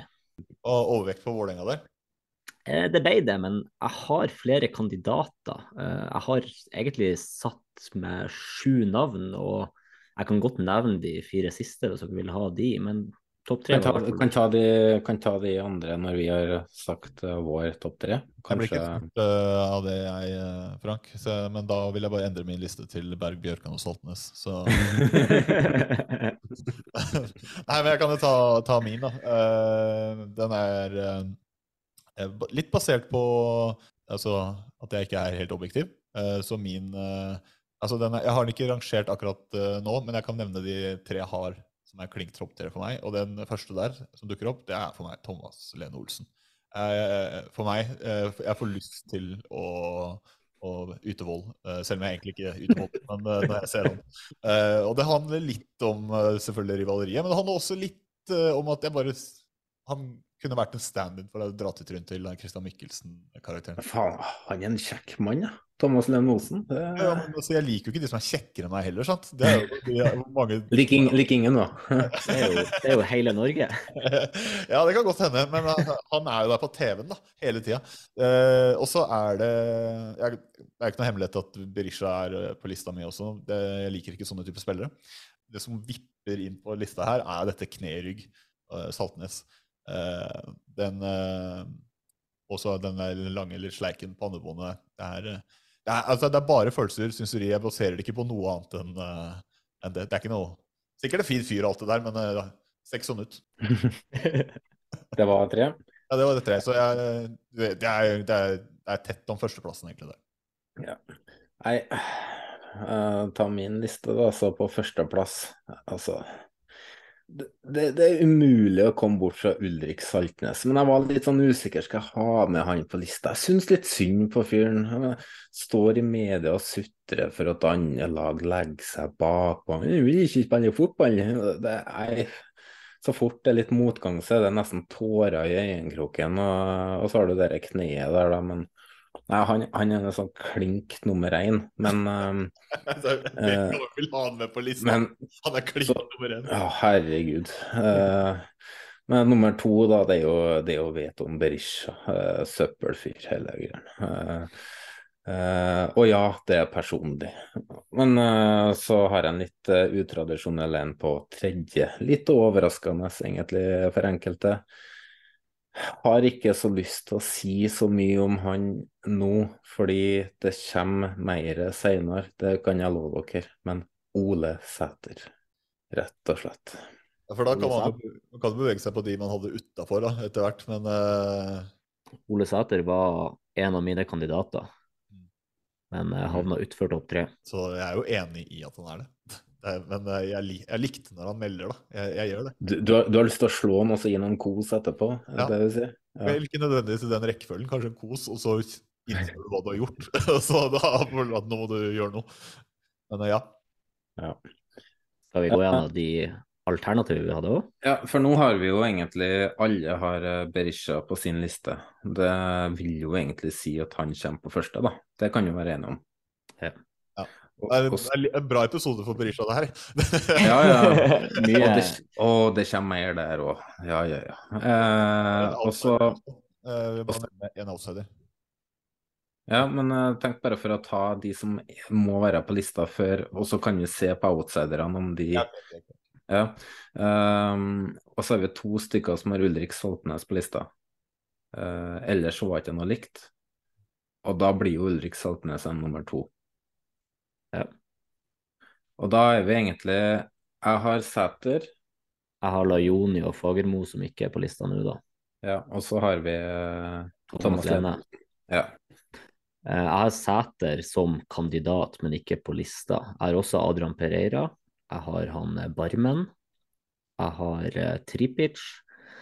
Og så la jeg på et navn til som Han var spiller før, og han jobba jo for forrige rettighetshaver, så er jo kanskje ikke aktuell nå lenger, men har man han Gauseth òg. Mm. Han er det bare å glemme, tenker jeg. Sånn, glemme at han eksisterer, sånn generelt sett. Så jeg får en sånn varsel på mobilen her om at han har signert en tiårskontrakt med TV 2. Da skal jeg på stadion i hele 2023. Men eh, ja, det er jo vanskelig å være uenig i outsiderne, egentlig. Det er mye gode innspill der. Men jeg har lyst til å slenge med en, kanskje en outsider-outsider, og det er Leo Kornic. Ja, jeg skjønner hva du mener. Og det er ikke basert på at han nødvendigvis er den du har lyst til å dra til i intervjusona, men du har definitivt lyst til å dra til han når du spiller fotball. Jeg, jeg, jeg elsker den, altså. Fy faen. Men jeg har en, jeg har en Har du flere, Frank? Nei, jeg har nevnt mine. Nei, jeg- Snorre, tenkte. Eh, Det er jo Sæter og Trippels har jeg også vært eh, innom, selvfølgelig. Eh, det er eh, jeg, jeg er litt enig, da, i Fagermo sånn Altså, jeg må jo si at før han signerte for Vålerenga, så var jo det den treneren eh, som irriterte meg mest. Det er han vel fortsatt. Ja, det kan, det kan du kanskje si. Men, eh, nei, altså, men det er noe med det at når eh, du det blir noen som er din å hate, så klarer du liksom å leve med det. Eh, så, men Sæter, Tripic, eh, Cornic er på lista der, og så ja, Spørsmålet er om vi skal drite i Sæter, siden han, han, han er jo egentlig en kandidat nummer tre nå, fordi at eh, vi alle har han jo. Men han forsvinner jo kanskje nå. Eller skal vi drite i å ta høyde for det? Lista er jo gjeldende akkurat nå, så Ja, det- tenker vi bare kliner Ole Sæter inn på tredjeplass. Jeg kan nevne opp eh, de jeg har Ja, eh, først, da. Um, for jeg har en som ingen har nevnt, og det er jo Brynildsen. Mm. Jeg syns han er fett, rett og slett. Og så har jeg Tripic, men jeg tok med Reitan òg. Og det er ikke sånn at han er dratetrynet for meg, men han er jo et rasshøl på banen, og jeg elsker det. Uh, og så har jeg Holm på uh, Vålerenga, Lajoni og Abel Stensrud. Det er bare men, men- Men det, men, ja, men det er bare Men det er godt, det er godt meint, da. eh, for hans del. Men uh, når det gjelder Stripic, så er det, der er det mer hat, altså. Det, Men det var ikke noe Brekalo fra deg da, Frank. Det var jo veldig mye Brekalo i monitor i den eh, perioden Viking var gode. og For, for min del så har jo Brekalo bare vært en slags meme. Eh, jeg sier jo bare Glimt-Twitter sutrer så sykt over Brekalo, og så har jeg jo bare drevet og tulla med det. Jeg skjønner spillestilene hans, den er kompromissløs og knallhard, men jeg har bare tulla med det. mm. Ja, Brynildsen, ja, den er, den er fin. Men vi peiser inn Sæter, da. Ja, så da topp tre. Berisha, Saltnes, Saltnes, Sæter. Sæter. Løven fra Singsaker klarte å krangle seg inn. Jeg er sikkert misfornøyd med at han ikke er på første, sikkert. Jeg ser for meg en potensiell slangekandidat der etter hvert. Så nei, men eh, da har vi den. Eh, det blir mer topp tre, bunn tre kåringer av diverse slag eh, utover, så send gjerne også det til oss. Eh, tips dere vil eh, ha kåringer på. Det tar vi imot. Hvis ikke så tar vi bare dur på det vi syns er gøy. Så det kan du gjøre det på den måten òg. Det er jo litt relatert til det hvor vi fant, fant hverandre. Vi kan si det på den måten. Det var jo Twitter, da. Ja. Vi har jo også lyst til å høre hva folk lurer på. Du har jo dratt det inn i ny og ne, Jonas. Eh, litt spørsmål. Ja. Men vi Det, Jeg la jo ut i dag eh, at folk kan sende inn spørsmål, og det har jo faktisk kommet ganske mange. Så eh, vi kunne faktisk ikke ta med alle. Men vi gjør det nå sånn at jeg tar fram et par spørsmål, og så får vi bruke tid på de som er god, og så får jeg bare skumme litt gjennom. Men jeg kan ta med at vi fikk jo lykkeønskning fra Synseligaen, og det var jo hyggelig. Det er jo en podkast som egentlig driver på med det samme som oss. Og det er mange som tror at vi er en konkurrent og sånn, men eh, vi ser ikke på det som, eh, som det. Vi er et tilskudd for folk som vil høre mer på norsk fotball. Eh, som synes det er for lite norsk fotball i monitor. Vi har åpnet Så- for å kjøre en, eh, en 69-episode med de. 69 med de. Ja, jeg syns, jeg syns ligaen er, er fine gutter. Eh, Ja, De har sin måte å gjøre det på. og Jeg håper at vi kan skille oss litt ut, selvfølgelig. Men vi er nå bare glad i det samme, alle sammen. Vi er glad i norsk fotball. Mm. Absolutt. Eh, Vebjørn Hunnes at Hunnes02. Advarsel, han er Molde-supporter. Vil det komme eksklusive vindu, eh, videoer på Onlyfans? Eh, Det vil jeg. Det, det må vel til meg, den der. Det var til deg. Ja, jeg har jo tulla litt om eh, diverse drøye ting, så ja, selvfølgelig kommer det masse. Du må bare forhåndsbetale. Så spør eh, Røkke, så ordner det seg. Kobberød at T. Kobberød. Han er en eh, Rosenborg-supporter. Ekstrem hard i meningene sine. Um, han lurer på Det er et godt spørsmål. Hvor lenge kan en spiller regnes som et talent? Jeg ser der, Hvor lenge kan være talent? Jeg tenker eh, du skal ikke så langt opp på 20-tallet. Jeg mener eh, sånn som Hugo Vetlesen, som nå er 22 og fortsatt spiller for U21 fordi at han er innenfor det mesterskapssyklusen, skal regnes som talent. Og jeg vet at jeg og han Kobrø har hatt litt diskusjon på akkurat den casen der, og der han er uenig.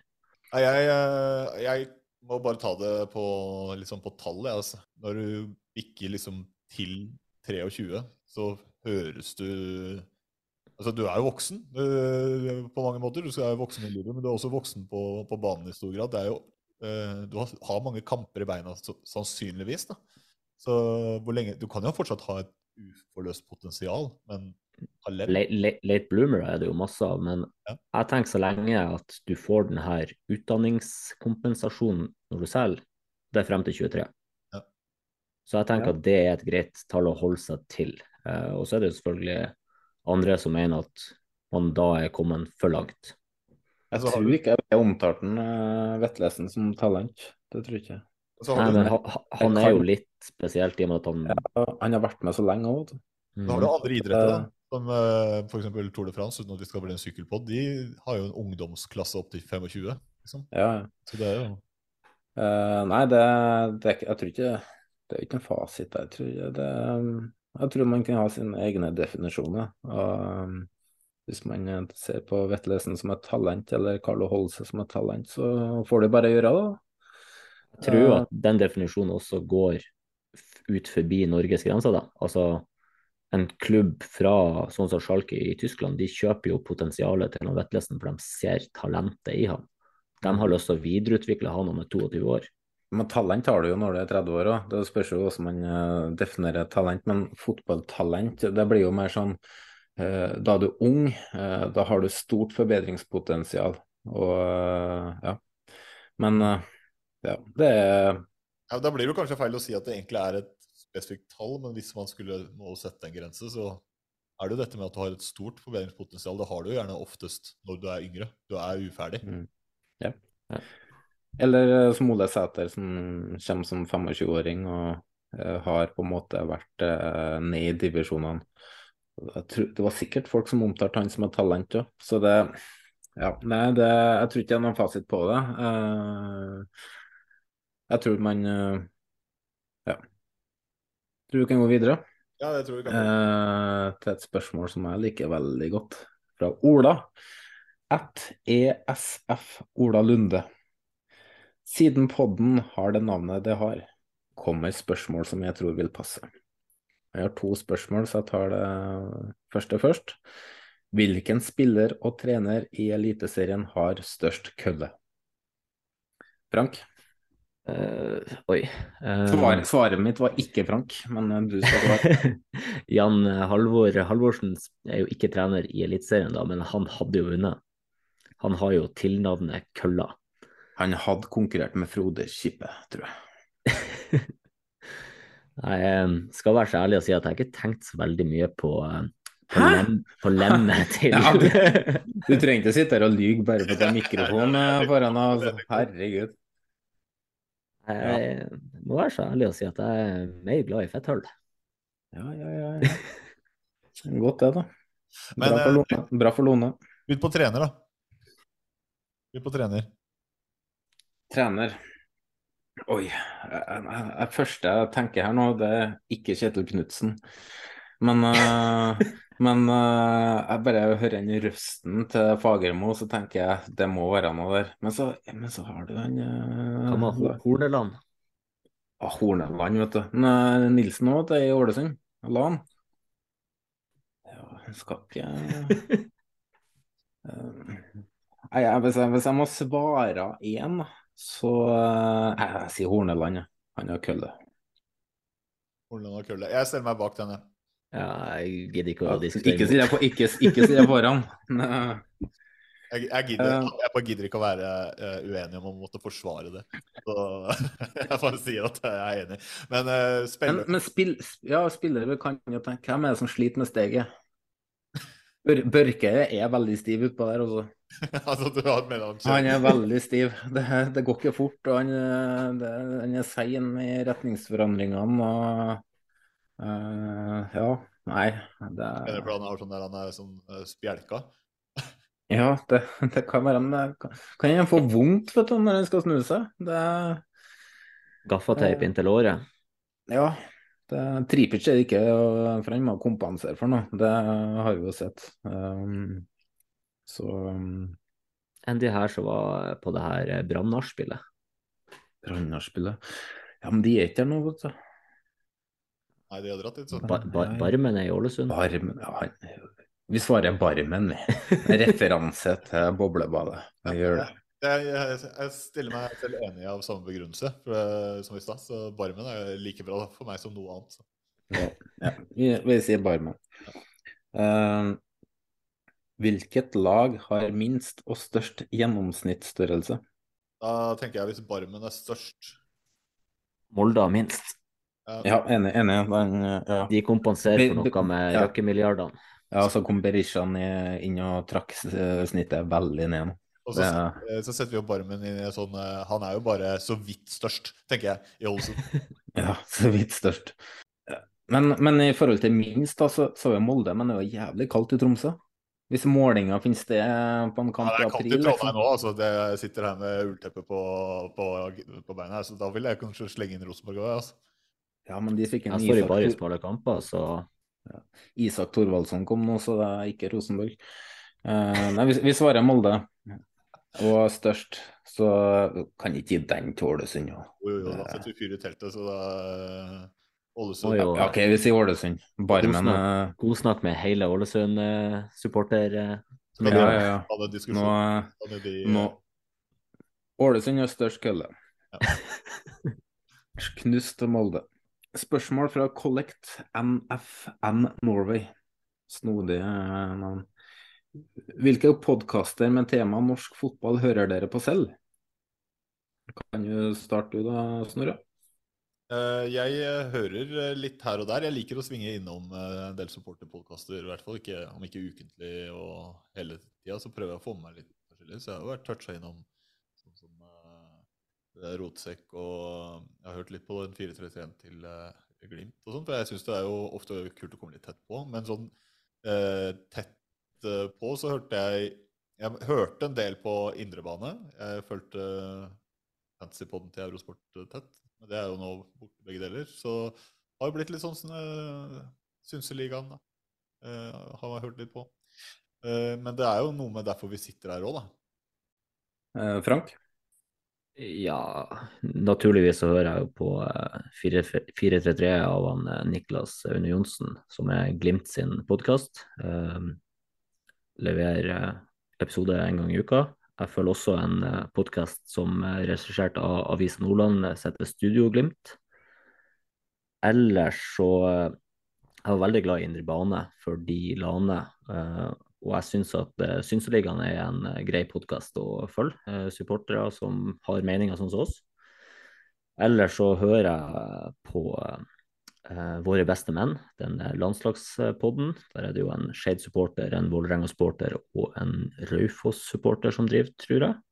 Stemmer. Uh, fotballrådet det er jo ikke så aktivt nå, det vet jeg ikke om blir å fortsette. Uh, fotballhodet med, han, eh, med det her uh, psykologen og det. Jeg vil egentlig bare stille meg bak mye av de du nevner der, som er generelle, som ikke jeg kom på. Det Ja, Og så vil jeg nevne også Trikkeligaen, eh, som tar Oslo-fotballen. Den hører jeg en del på. Ja, det er breddefotball, er det ikke? Ja, Litt ja. Oslo omheng? Bredde og helt opp til toppen. Så Jeg har det hørt det, jeg hørte flere på Twitter som skryter veldig av den, så den må jeg få uh, tatt med i lista mi. Så det er- blir, en, det blir noe Vålerenga i monitor der òg. Det har jo vært eh, både Fagermo har vært der, og så har vært Nass Peider var der akkurat. Og så driver man vel Det er jo ikke usannsynlig at man ser Joakim Jonsson der. Ja, Faen, Når du sier det, vi skulle jo hatt med Fagermo som størst kølle, vet du. Fordi vi har jo litt planer om å dra på uh, Intility og eh, prate med Jokke Jønsson etter hvert. eh, og eh, kanskje da få til noe med Fagermo. Så det hadde jo vært kult hvis det kunne komme med en eh, statue til han. Men uh, Ja. apropos, liksom. Jeg Har du flere to- Frank? Jeg har to podkaster til jeg må nevne, og det er jo selvfølgelig Heia fotball. Eh, ikke det at jeg hører alle episodene deres, men jeg syns det er veldig mange morsomme, interessante gjester de har. Og så en podkast jeg har vært veldig forelska i nå i ca. ett og et halvt år, er den svenske podkasten When We Were Kings. De har en ekstrem kunnskap om fotball og fotballhistorie, da. Så det oppsummerer vel stort sett mitt podkast. Ja. Spørsmålet var hvilken podkast med norsk tema, så egentlig så driver Frank og hører When We Were Kings med Bodø-Glimt på repeat, da. Det var det han mente der. Um, min favorittpodkast er jo Glimt i øyet. Ler du?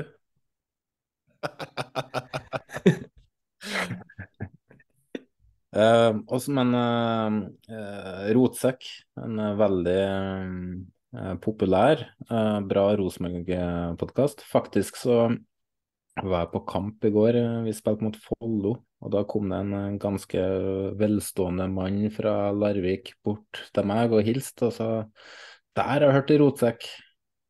Det har jeg bare vært med et par ganger. Jo, men nei, Han har hørt alt av Rotsekk. da. Han var ikke Rosenborg-supporter engang, så det var litt artig. Uh, harde mottak, uh, LSK-podkast, den syns jeg er veldig bra. Den er sterk. Uh, sesongkortet, Rasmus og Rasmus og Saga. Eh, det var Rosenborg-basert. Eh, veldig god eh, podkast. Synsligaen hører jeg en del på.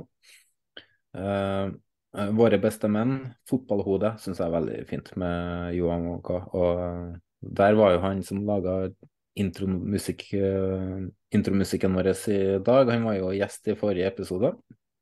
Uh, så har du TV2s fot fotballpodkast, men den tar jo for seg all fotball. Men den har blitt mer og mer inn på norsk, da. Så ja, vi elsker fotball, syns jeg er en fin podkast som har gjester som uh, har spilt i norsk fotball. Uh, fotballrådet, og så selvfølgelig Heia fotball, men det spørs hvem som er gjest. Og så spør nå uh, hvem som er ligaens kjekkeste, og da kan jeg svare at det kommer vi tilbake til senere, i en kåring.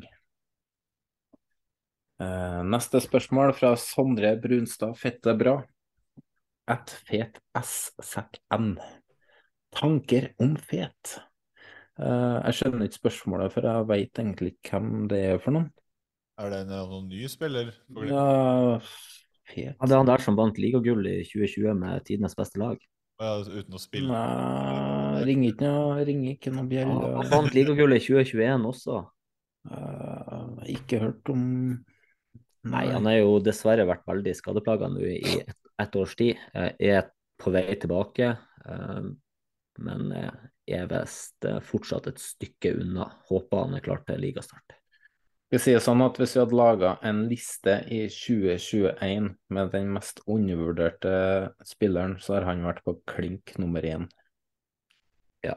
Eh, Harald Dutteberg, eh, kanskje den største Glimt-legenden i historien, han har jo sagt det at hvis han har vært han Kjetil Knutsen, så har han Sondre Brunstafet vært første mann på lagblokka hver kamp. Det minner meg litt om uh, den uh, viktigheten av Øyvind Leonardsen hadde på landslaget, eller Roar Strand hadde Rosenborg. Uh, gjør en vanvittig grov, grovarbeid, da, som ja. Men så er han jo bra med ball òg, så det er synd for han at han har slitt med skadene. for jeg han er jo faktisk en Glimt-spiller som kunne ha lyktes i utlandet. Hvis han hadde I hvert fall den mentaliteten og den mm. arbeidsmoralen og på en måte det her skjønnet med det at jeg er ikke best, jeg er ikke ei stjerne, jeg har ikke de stjernenykkene. Så han ville jobba som faen for å lykkes, sånn som du ser med han eh, Samsted nå, da, som har gått eh, rett ut og spiller fast og er på rundens lag allerede. Samme type mentalitet som han. Mm. Nei, en uh, god spiller som uh, dessverre for han har uh, slitt med skader. Heldigvis for Rosenborg. Neste spørsmål. Tore Johansen Dahl at Tore Dahl. Er podden død etter 69 episoder? Den som venter, får se. Og så har vi Heinevik at Heinevik. Veldig fin Twitter-konto um, som holder med Viking. Kommer, um, anbefaler å følge han.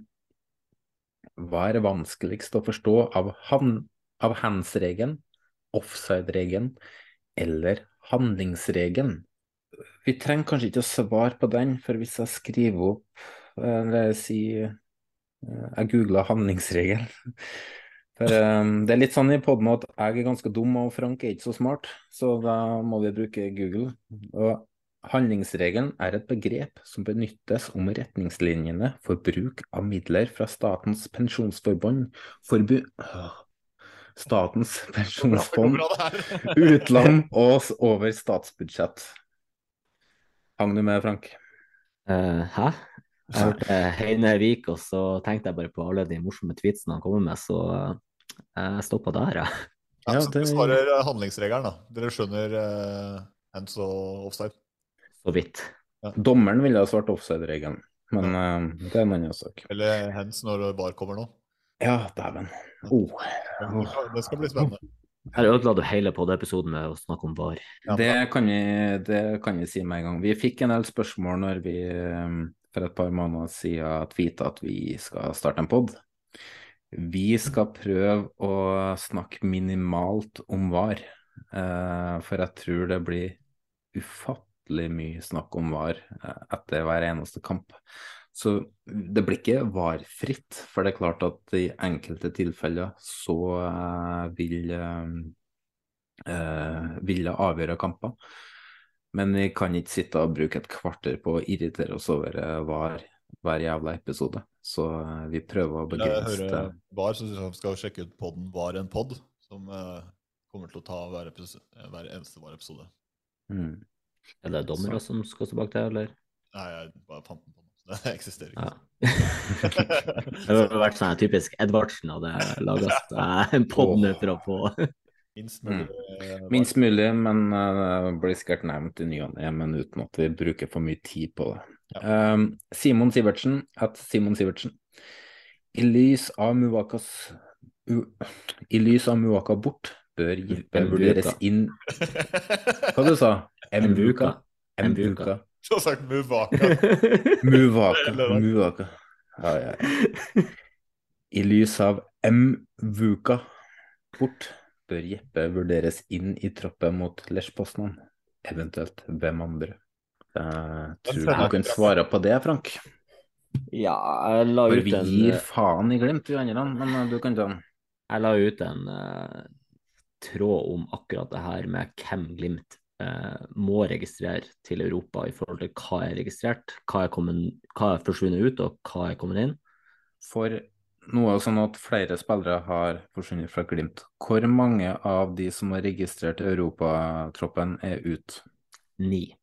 Ni mann har forsvunnet ut. Og, vi, og Glimt har 13 spillere, ikke nye, men 13 spillere i A-lagstroppen som ikke er registrert. Og det er jo da spillere som en Fredrik Sjøvold var ikke registrert i høst. Eh, Lasse Nordås, f.eks.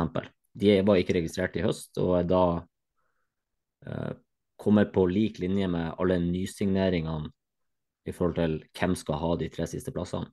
Eh, Hvilke posisjoner har blitt eh, mest berørt, da?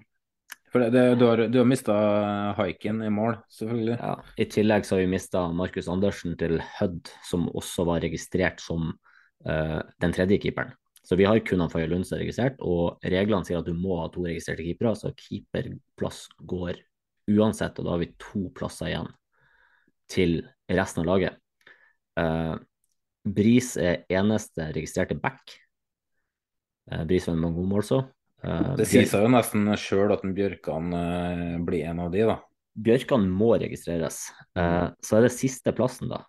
Nå har Da vi står det med Ja, av, de, av de viktige, da, så er det Omar og Jeg vil nevne fem spillere, eh, og det er jo Omar er den ene. Bjørtuft er én. Eh, så var det skal vi se, Omar Bjørtuft, Jeppe. Jeppe Kjær, eh, Fredrik Sjøvold, og hva var den siste jeg hadde på blokka? Komson, eller? Nei, ikke Komson. Um, jeg landa i hvert fall på det at uh, vi burde registrere Jeppe Kjær.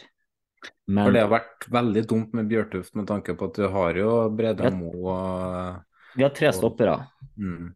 Vi har tre stoppere uh, som skal dekke to plasser. Uh, to av stopperne er jo veldig skadeutsatt. Derfor var jeg veldig sånn Skal vi registrere Bjørtuft? Skal vi da kunne bruke Lode på høyrebekken hvis Bris ikke blir klar?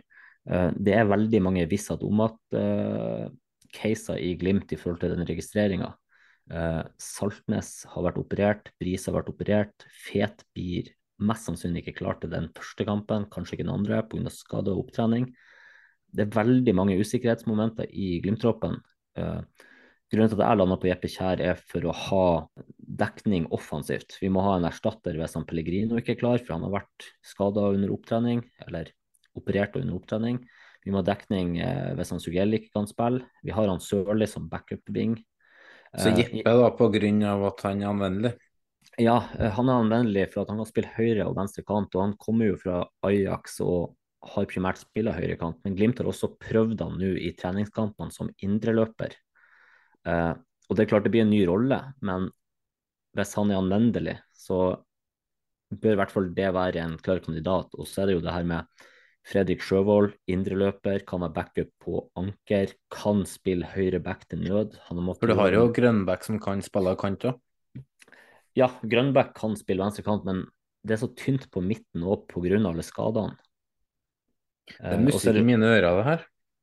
Ja Det er klart at hvis Glimt ryker ut i første runde, så har vi bedre fokus inn mot seriestart. Så... Jeg håper jo Glimt går videre et hakk, og så rykker ut. Det har vært fint. Neste spørsmål, Benjamin Sars. Vi var i et kvarter den eneste podkasten i verden som Benjamin Sars ikke har sendt inn spørsmål, men nå har vi fått spørsmål. Han er jo en podkastlegende.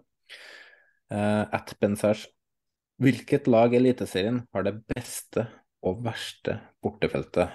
Og uh, før Frank svarer, har du vært på mye bortefelt, Snorre?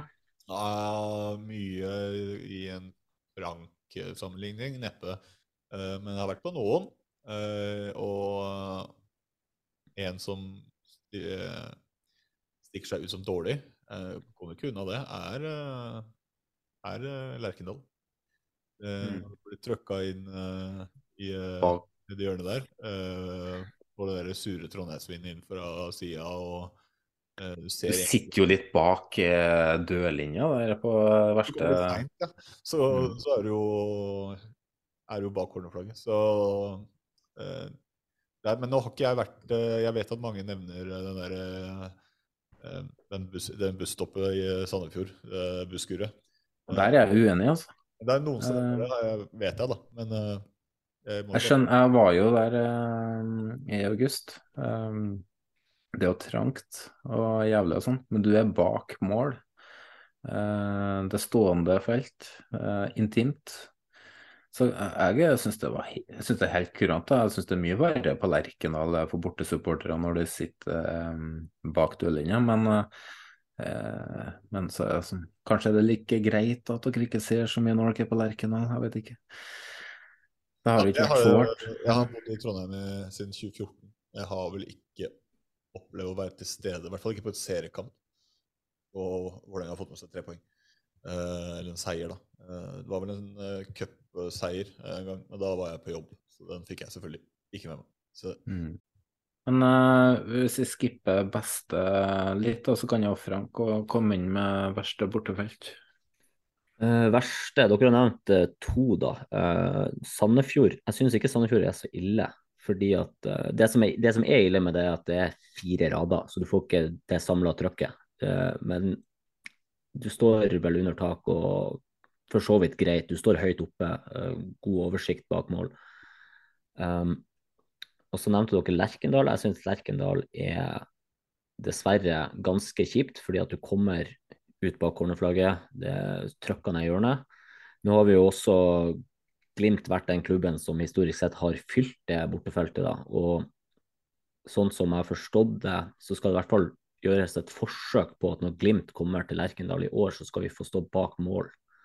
Eh, og det syns jeg er kjempetiltak fra Stian i eh, Rosenborg. Det skal han ha stor kred for eh, hvis han får fiksa. Stian har kommet inn i klubben som et friskt pust, og han har eh, vært veldig aktiv med å, å um, hente inn meninger fra folk på Twitter, blant og motstandssupportere, og han eh, tar det der videre, så jeg tror og håper på bedringer for bortesupportere på uh, Lerkendal uh, framover. Så hadde jo, jeg har jo ikke vært på så mye bortekamper. Um, uh, har jo vært eh, på noen eh, plasser, selvfølgelig, men eh, det kommer jo ikke utover at eh, med mindre du er sadist og liker å bli fingra i rumpa, så er jo Molde et sted man kanskje ikke For det går jo på helheten her, da, der de setter opp telt og eh, må bøye seg framover for å få seg en julefinger, liksom. Ja, men det, Men eh, hvis du går på totalen, så, så kan det hende at eh, jeg må da tenke litt grundigere gjennom eh, ting, egentlig. Hvis, eh, men jeg tenker Ja. det er sånn, sånn stående syngende eh, inne på stadion. Verste feltet er fortsatt ikke nevnt. jeg er spent. Åråsen. Reklameskiltene der er så jævlig i veien. Det er så dårlig oppsett for bortesupporterne. Det er klink verste for meg, Åråsen. Jeg vet av en i Rotsekkpodden som mener at det er det beste feltet. Ja, du får ikke utnytta hele feltet, i hvert fall. De reklameskiltene er veldig i veien. Det, jeg skjønner ikke hvordan de kan ha de dobbel opp med reklameskilt eh, foran eh, utsynet til banen. Nei, hvis, vi, hvis vi går på totalopplevelsen også, så vet jeg at uh, Bodø-Glimt uh, solgte seg vel ikke inn i bortesupporternes hjerter uh, i en periode også. Det har vel gjort noen tiltak der, men det ble, var vel ikke akkurat uh, Piggtråd? det, var, ikke- det var ikke vippen på Aspmyra, for å si det sånn. Det var det ikke. Jeg tror, det, jeg tror det er mange lag i Eliteserien som har eh, forbedringspotensial eh, når det gjelder der. Eh, Men at Rosenborg skal bli nevnt med, i den forbindelse her, er jo ikke helt heldig for, for klubben. Og de har i hvert fall muligheten til å bare flytte på det. Det har ikke så mange andre lag muligheten til. da. Uten å legge veldig mye penger på bordet og, og ruste opp litt. Eh, men eh, det er jo klart at eh, når du har mange bortesupportere på en kamp, og du får trøkk fra begge lagene, så blir det jo en helt annen dynamikk på stadion. Det blir det jo. Helt klart. Så, Altså Lerkendal i fjor høst eh, hva det var 21 230, eller hva dere tar. mm. Eh, vi var 1350-1400 bortesupportere, og resten av stadionet var fette peisefullt. Det, det er så god stemning som du kan få i Norge. Et utsolgt Lerkendal. Du var på TV-en, Frank. Jeg sto og var ganske lei meg etter kamp. Ja, du var veldig lei deg. Jeg hadde, jeg hadde lyst til å gå gjennom skjermen og gi deg en klem. Og så hadde jeg lyst til å peke på deg og flire. Men eh, ja. Hadde du tatt på jakka, da, var det, jeg vet at da er det ultimate deppa. Stå med jakka på bortefeltet. Ja, da hadde jeg stått i baris i hva det var, det var et par minus. Jeg stod i baris i to og en halv time. Jeg hadde gått i baris fra eh, Midtbyen. Det er rart at ikke du får med bank også. Eh, Beste bortefelt, da? Beste bortefelt. Jeg liker Intility. Mm. Det er, jeg liker det at Intility eh, For det første så kan de utvide. Eh, Du står litt på sida, det gjør ikke noe. Jeg liker brattheten på tribunen. Mm. Eh, Oversikt? Synes, ja, eh, og, og så får du, du får greit trøkk eh, utover banen fra når du får den bratthetskurven som er på inntil. Jeg syns den er for meg best i Norge. Og så vil jeg nevne Marienlyst, blant annet. Jeg syns Marienlyst òg er en bra, bra bortfelt. Og der står du også på tvers av Godseunionen, som er Mm. laga god stemning. Så de to skal i hvert fall nevnes. Jeg var på eh, Marienlyst i vår, tapa 3-0. Men enorm stemning eh, Kjernen skapa bak mål der. Det var en magisk opplevelse. Ikke vært på Intility, men eh, vi kan gi den til eh, vi kan gi den til Vålerenga, kan ikke vi da? Så smisker vi litt før vi eventuelt eh, møter på ja, Jeg, Det er bare for sesongen det er en suksess før den i det hele tatt er i gang. Vi har vunnet noe. Så ja. Vålerenga på sjuendeplass over fineste stadion. Så har vi neste spørsmål.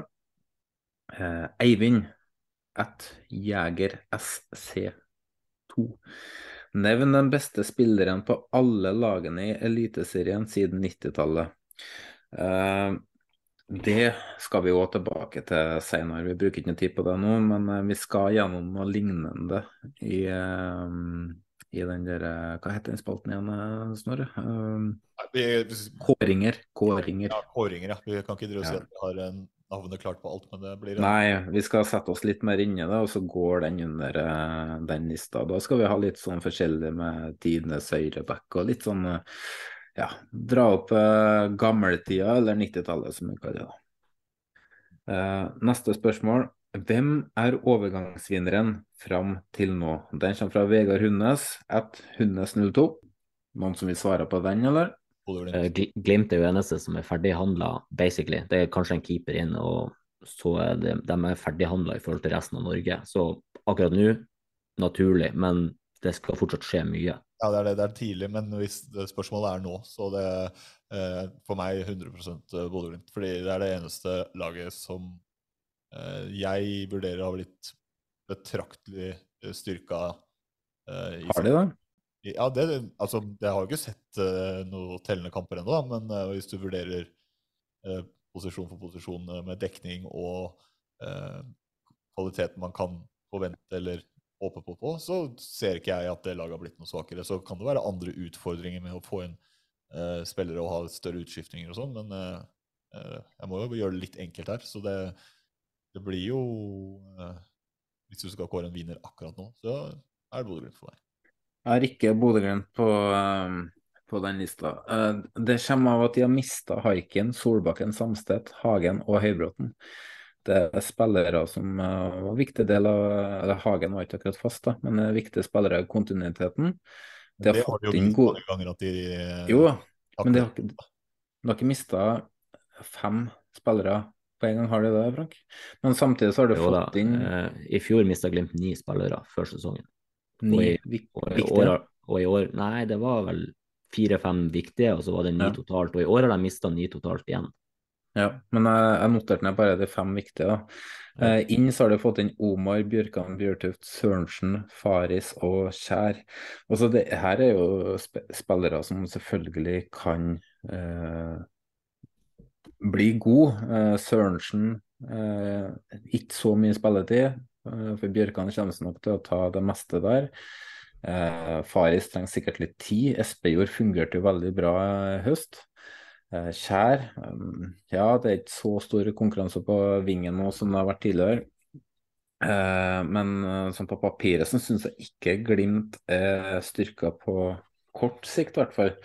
Men det er to to Det er en liten outsider der til mm. overgangsvinner. Eh, og det høres jo biased ut, men eh, ikke nødvendigvis på at spillere er eh, på det nivået som kanskje Glimt har handla på. Men jeg mener at eh, det Vålerenga har gjort i å hente til en Oslo-profil, kan ikke nødvendigvis at det har direkte innvirkning på resultatene akkurat i år, men jeg tror det er en ekstremt viktig eh, melding til supporterne som egentlig har venta på en sånn type profil ganske lenge, i tillegg til å få de der talentene i egne rekker og som, som glipper, så får du aldri den der Oslo-stammen i laget, men nå har du faktisk henta Oslo eller Oslo omegn-spillere. Eh, så eh, hvis man ikke tenker på bare kvalitet, men kanskje at man har begrensa midler og klart å funnet typer som jeg tror gjør, er bra for klubben, eh, hvis de også leverer det nivået man kanskje håper, så tror jeg det kan være en eh, kandidat. Men eh, jeg er jo jeg er jo ikke jeg er jo Inhabil. Ja. Så jeg Jeg har, eh, jeg har eh, på sportslig to klubber som har styrka seg, og det er Brann og Vålerenga. For Brann har ikke mista noen, eh, men de har fått inn eh, Tore Pedersen, blant annet. Eh, brukbar back Sexy. Larsen. Sexy Larsen, selvfølgelig. Så det har styrka opp eh, bak. Ellers er ikke noe forsvunnet noe som er nevnt, og, som er verdt å nevne.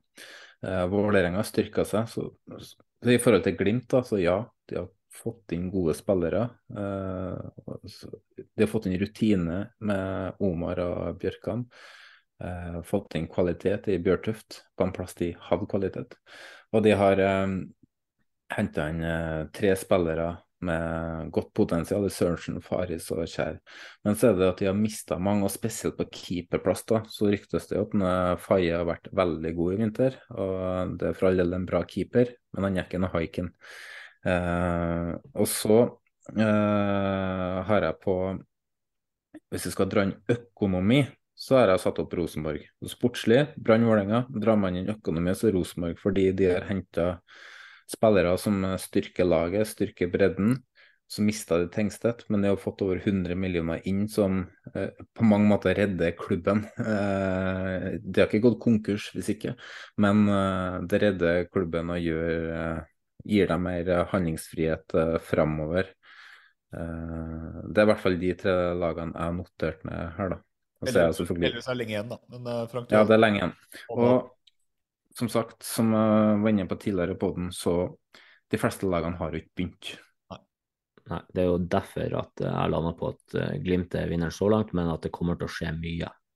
Hvis Eh, Glimt har fått inn keeper nå, eh, førstekeeper Men det, Så- det, men det der jeg vil bare komme en liten kommentar, er akkurat på det med keeper. Og ja, vi trenger en keeper, men uh, når Ricardo Friedrich tok over uh, i, som førstekeeper, så var det ingen som hadde trua på han. Og han forlot Norge som en av de beste keeperne i Norge.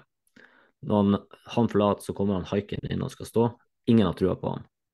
Han eh, har sett grusom ut tidligere, og går rett inn og bare er dominant. og forlater Norge som en av de beste keeperne i Norge. Faye han har sett veldig god ut nå eh, i preseason. Er det sånn at de blir trua med juling hvis de gjør det dårlig?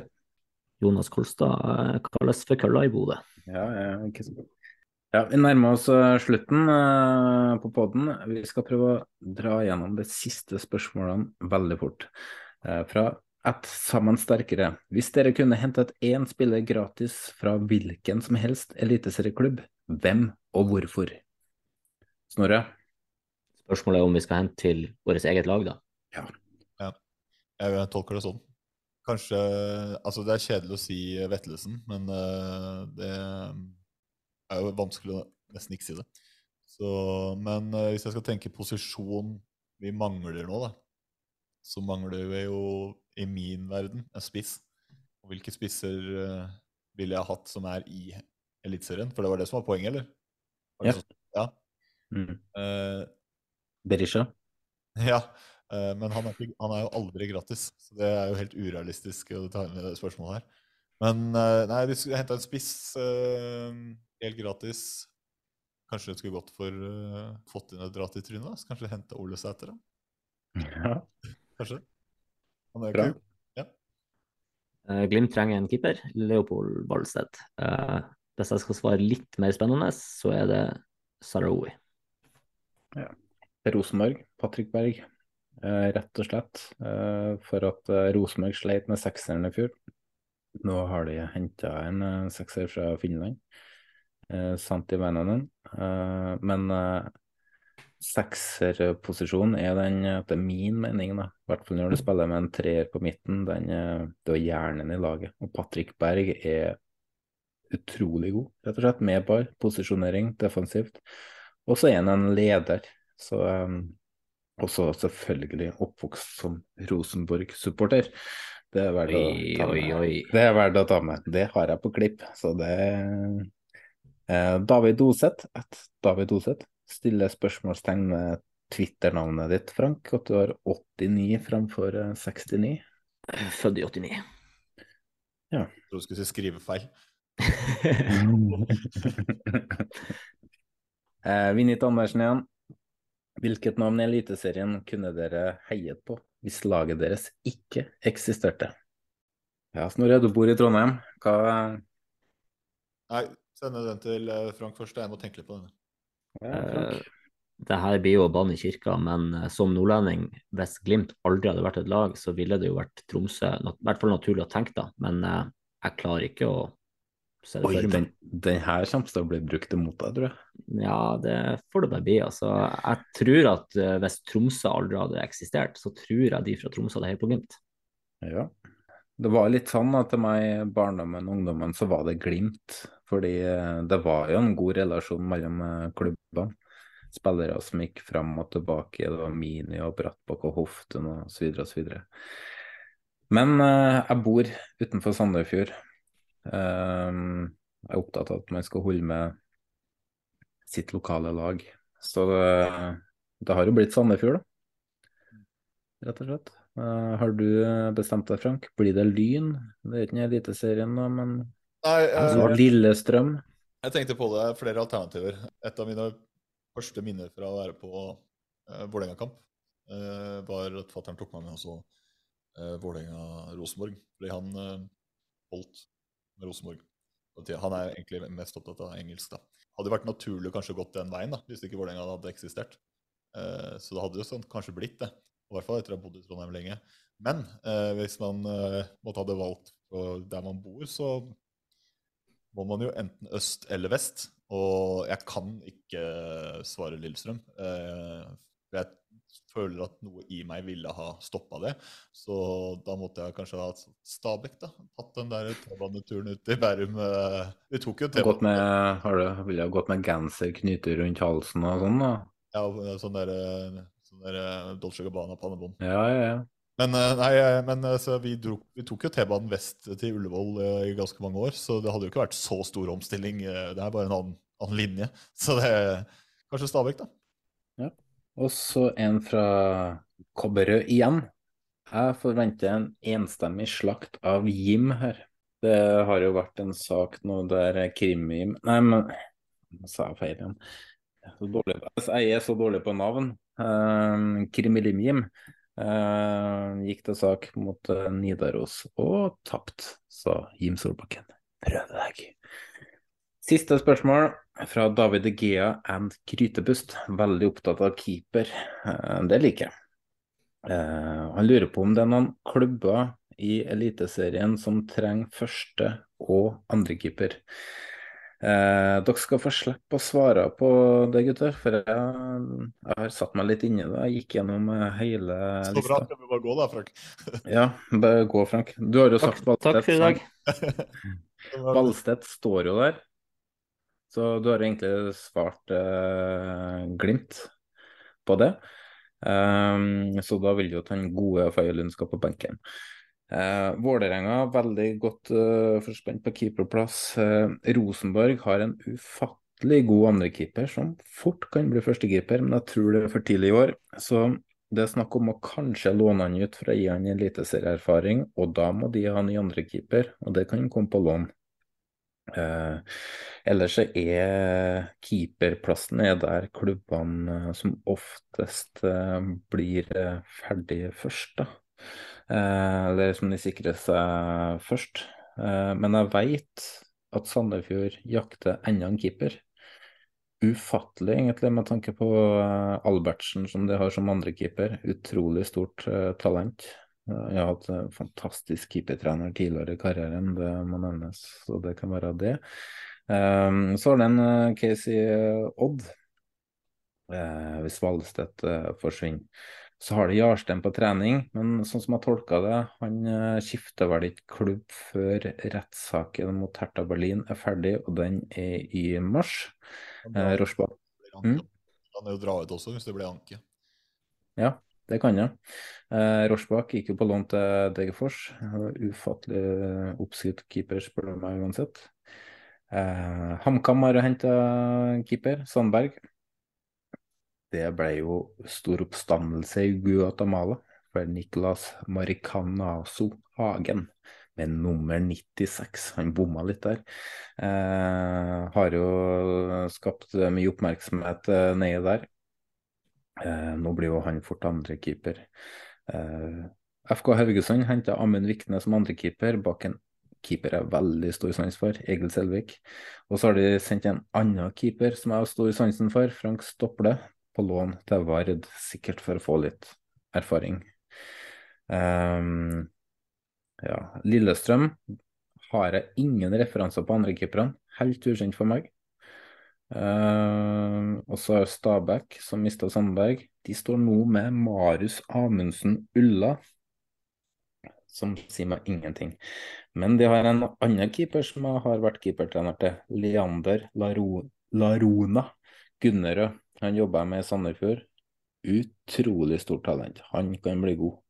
Men uh, han er jo knapt konfirmat, så um, jeg tror kanskje han har blitt 18, uh, men, uh, eller 17. Eh, jeg tror Stabæk jakter keeper, så da velger jeg å svare Stabæk. Så det var spørsmålene. Det kom inn veldig mange. Hvis det er sånn at det kommer inn like mange eller flere framover, så må vi, kan vi rett og slett ikke ta med alle. Det blir så mange. Eh, men for all del, send inn spørsmål. Det er gøy å svare på. Eh, så ja. Ja, Nei, men eh, det var Twitter-hjørnet. eh, Dagens lengste spalte. Eh, Vi nærmer oss eh, slutten, som sagt. Vi diskuterte jo litt. Vi må jo ha Altså, det har vært veldig lite 69 til nå. Det kan du være enig om. Har ikke hatt det på tre år, altså.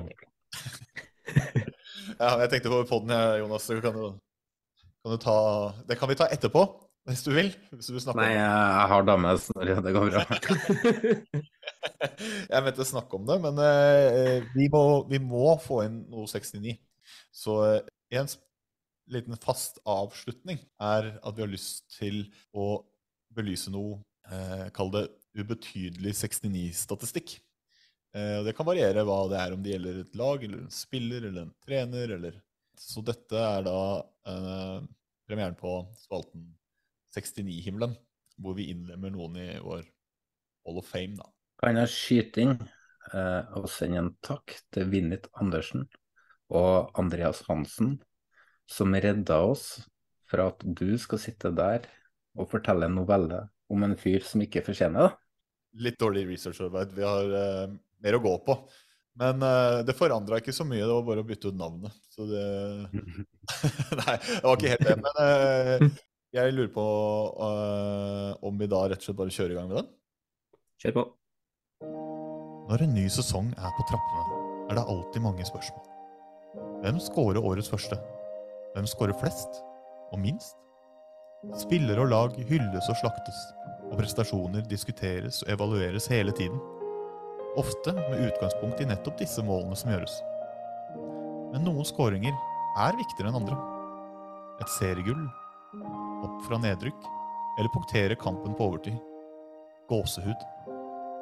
Men alle kasser teller i prinsippet like mye. Én per. Allikevel snakker man mer om noen mål enn andre. Som årets første, årets fineste, siste, viktigste. Andre går mer i glemmeboken. Som f.eks. et mål i runde fire i Eliteserien 2022. For å komme til dette øyeblikket må man gjennom en karriere hvor mål ikke akkurat kommer på bestilling. Totalt 19 mål på seniornivå for Ullkisa. Fem for Lillestrøm, og åtte til nå i Ålesund. Så det var kanskje ikke så rart at denne gavepakken av en retur, retur som deretter settes kontant bak Odds siste skanse, ble feira litt ekstra. Det oransje samler seg for å hedre sin helt. 1-3, og man begynner å tro på tre poeng hjem til Ålesund. Men helt euforisk er det likevel ikke, for det er lenge igjen. Og mye kan skje i fotball. Tilbake på jobb. Fokus nå, gutta, så tar vi det her. Men akkurat denne hadde fortjent mer. Ikke fordi den var spesielt fin, ikke fordi det var hans første i karrieren, ikke fordi kampen var avgjort, men fordi noen mål betyr mer enn andre. De man snakker om. Odd reduserer til 2-3 senere. Så dette ble en matchvinnerskåring.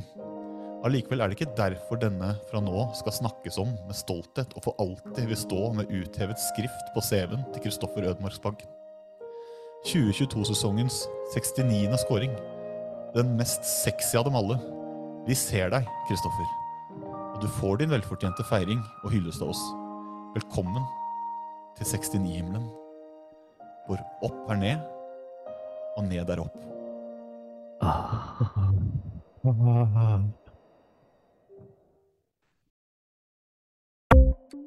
Ukens annonsør er HelloFresh. HelloFresh er verdens ledende matkasseleverandør og kan være redningen i en travel hverdag. Mange av oss har nok vandret i butikken både sultne og uten en plan for middagen, som ender med at vi går for de samme kjedelige rettene gang på gang. Middag burde være dagens høydepunkt. Som HelloFresh kan du nå velge mellom 25 ulike retter hver eneste uke, eller få HelloFresh til å sette sammen menyen for deg. Dette gir deg muligheten til å prøve nye og spennende retter alene eller sammen med familien. Du velger antall porsjoner og får alt levert på døren på et tidspunkt som passer for deg. Oppskriftene er enkle, og maten er lett å lage både for store og for små. Ved å få alt levert hjem får du også mer tid til å dele matgleden med familie og venner. Kanskje det frister med asiatiske tacos eller greskinspirert kylling? Da kan jeg anbefale deg om å gå inn på hellofresh.no. Her kan du bruke koden FOTBALL og få opptil 1779 kroner i rabatt på de første fem matkastene hvis du ikke har prøvd HelloFresh tidligere. Du kan også bruke rabatten hvis du har vært kunde og stoppet abonnementet ditt for tolv måneder siden eller lengre. Gå inn på hellofresh.no og bruk koden FOTBALL. Ukens annonsør er Folio, en smartere banktjeneste for deg som har en egen bedrift eller ønsker å starte for deg selv. Folio er en superenkel nettbank for bedrifter. Som kunde i Folio får du en bedriftskonto med et bedriftskort og app. I denne appen er det smarte løsninger som forenkler regnskapet ditt, uansett om du har en liten bedrift eller et enkeltpersonsforetak. Folio er både intuitivt og brukervennlig, og er laget med et enkelt språk. I tillegg tilbyr de forutsigbare priser og ingen skjulte gebyrer. Skulle du likevel trenge det, så kan du snakke med deres raske og hyggelige kundeservice, og der får du prate med en faktisk person og ikke en chatbot. Folio er med andre ord både enklere og koseligere enn banken. Over 10 000 bedrifter har allerede valgt Folio som sin banktjeneste, så besøk folio.no og se hvordan Folio kan forenkle din hverdag også. Har du et enkeltpersonforetak eller en liten bedrift? Da er du sikkert lei av å høre meg snakke om hvor enkelt det er med kvitteringer og bilag i fiken, så vi eh, gir oss her, vi. Fordi vi liker enkelt. Fiken superenkelt regnskap.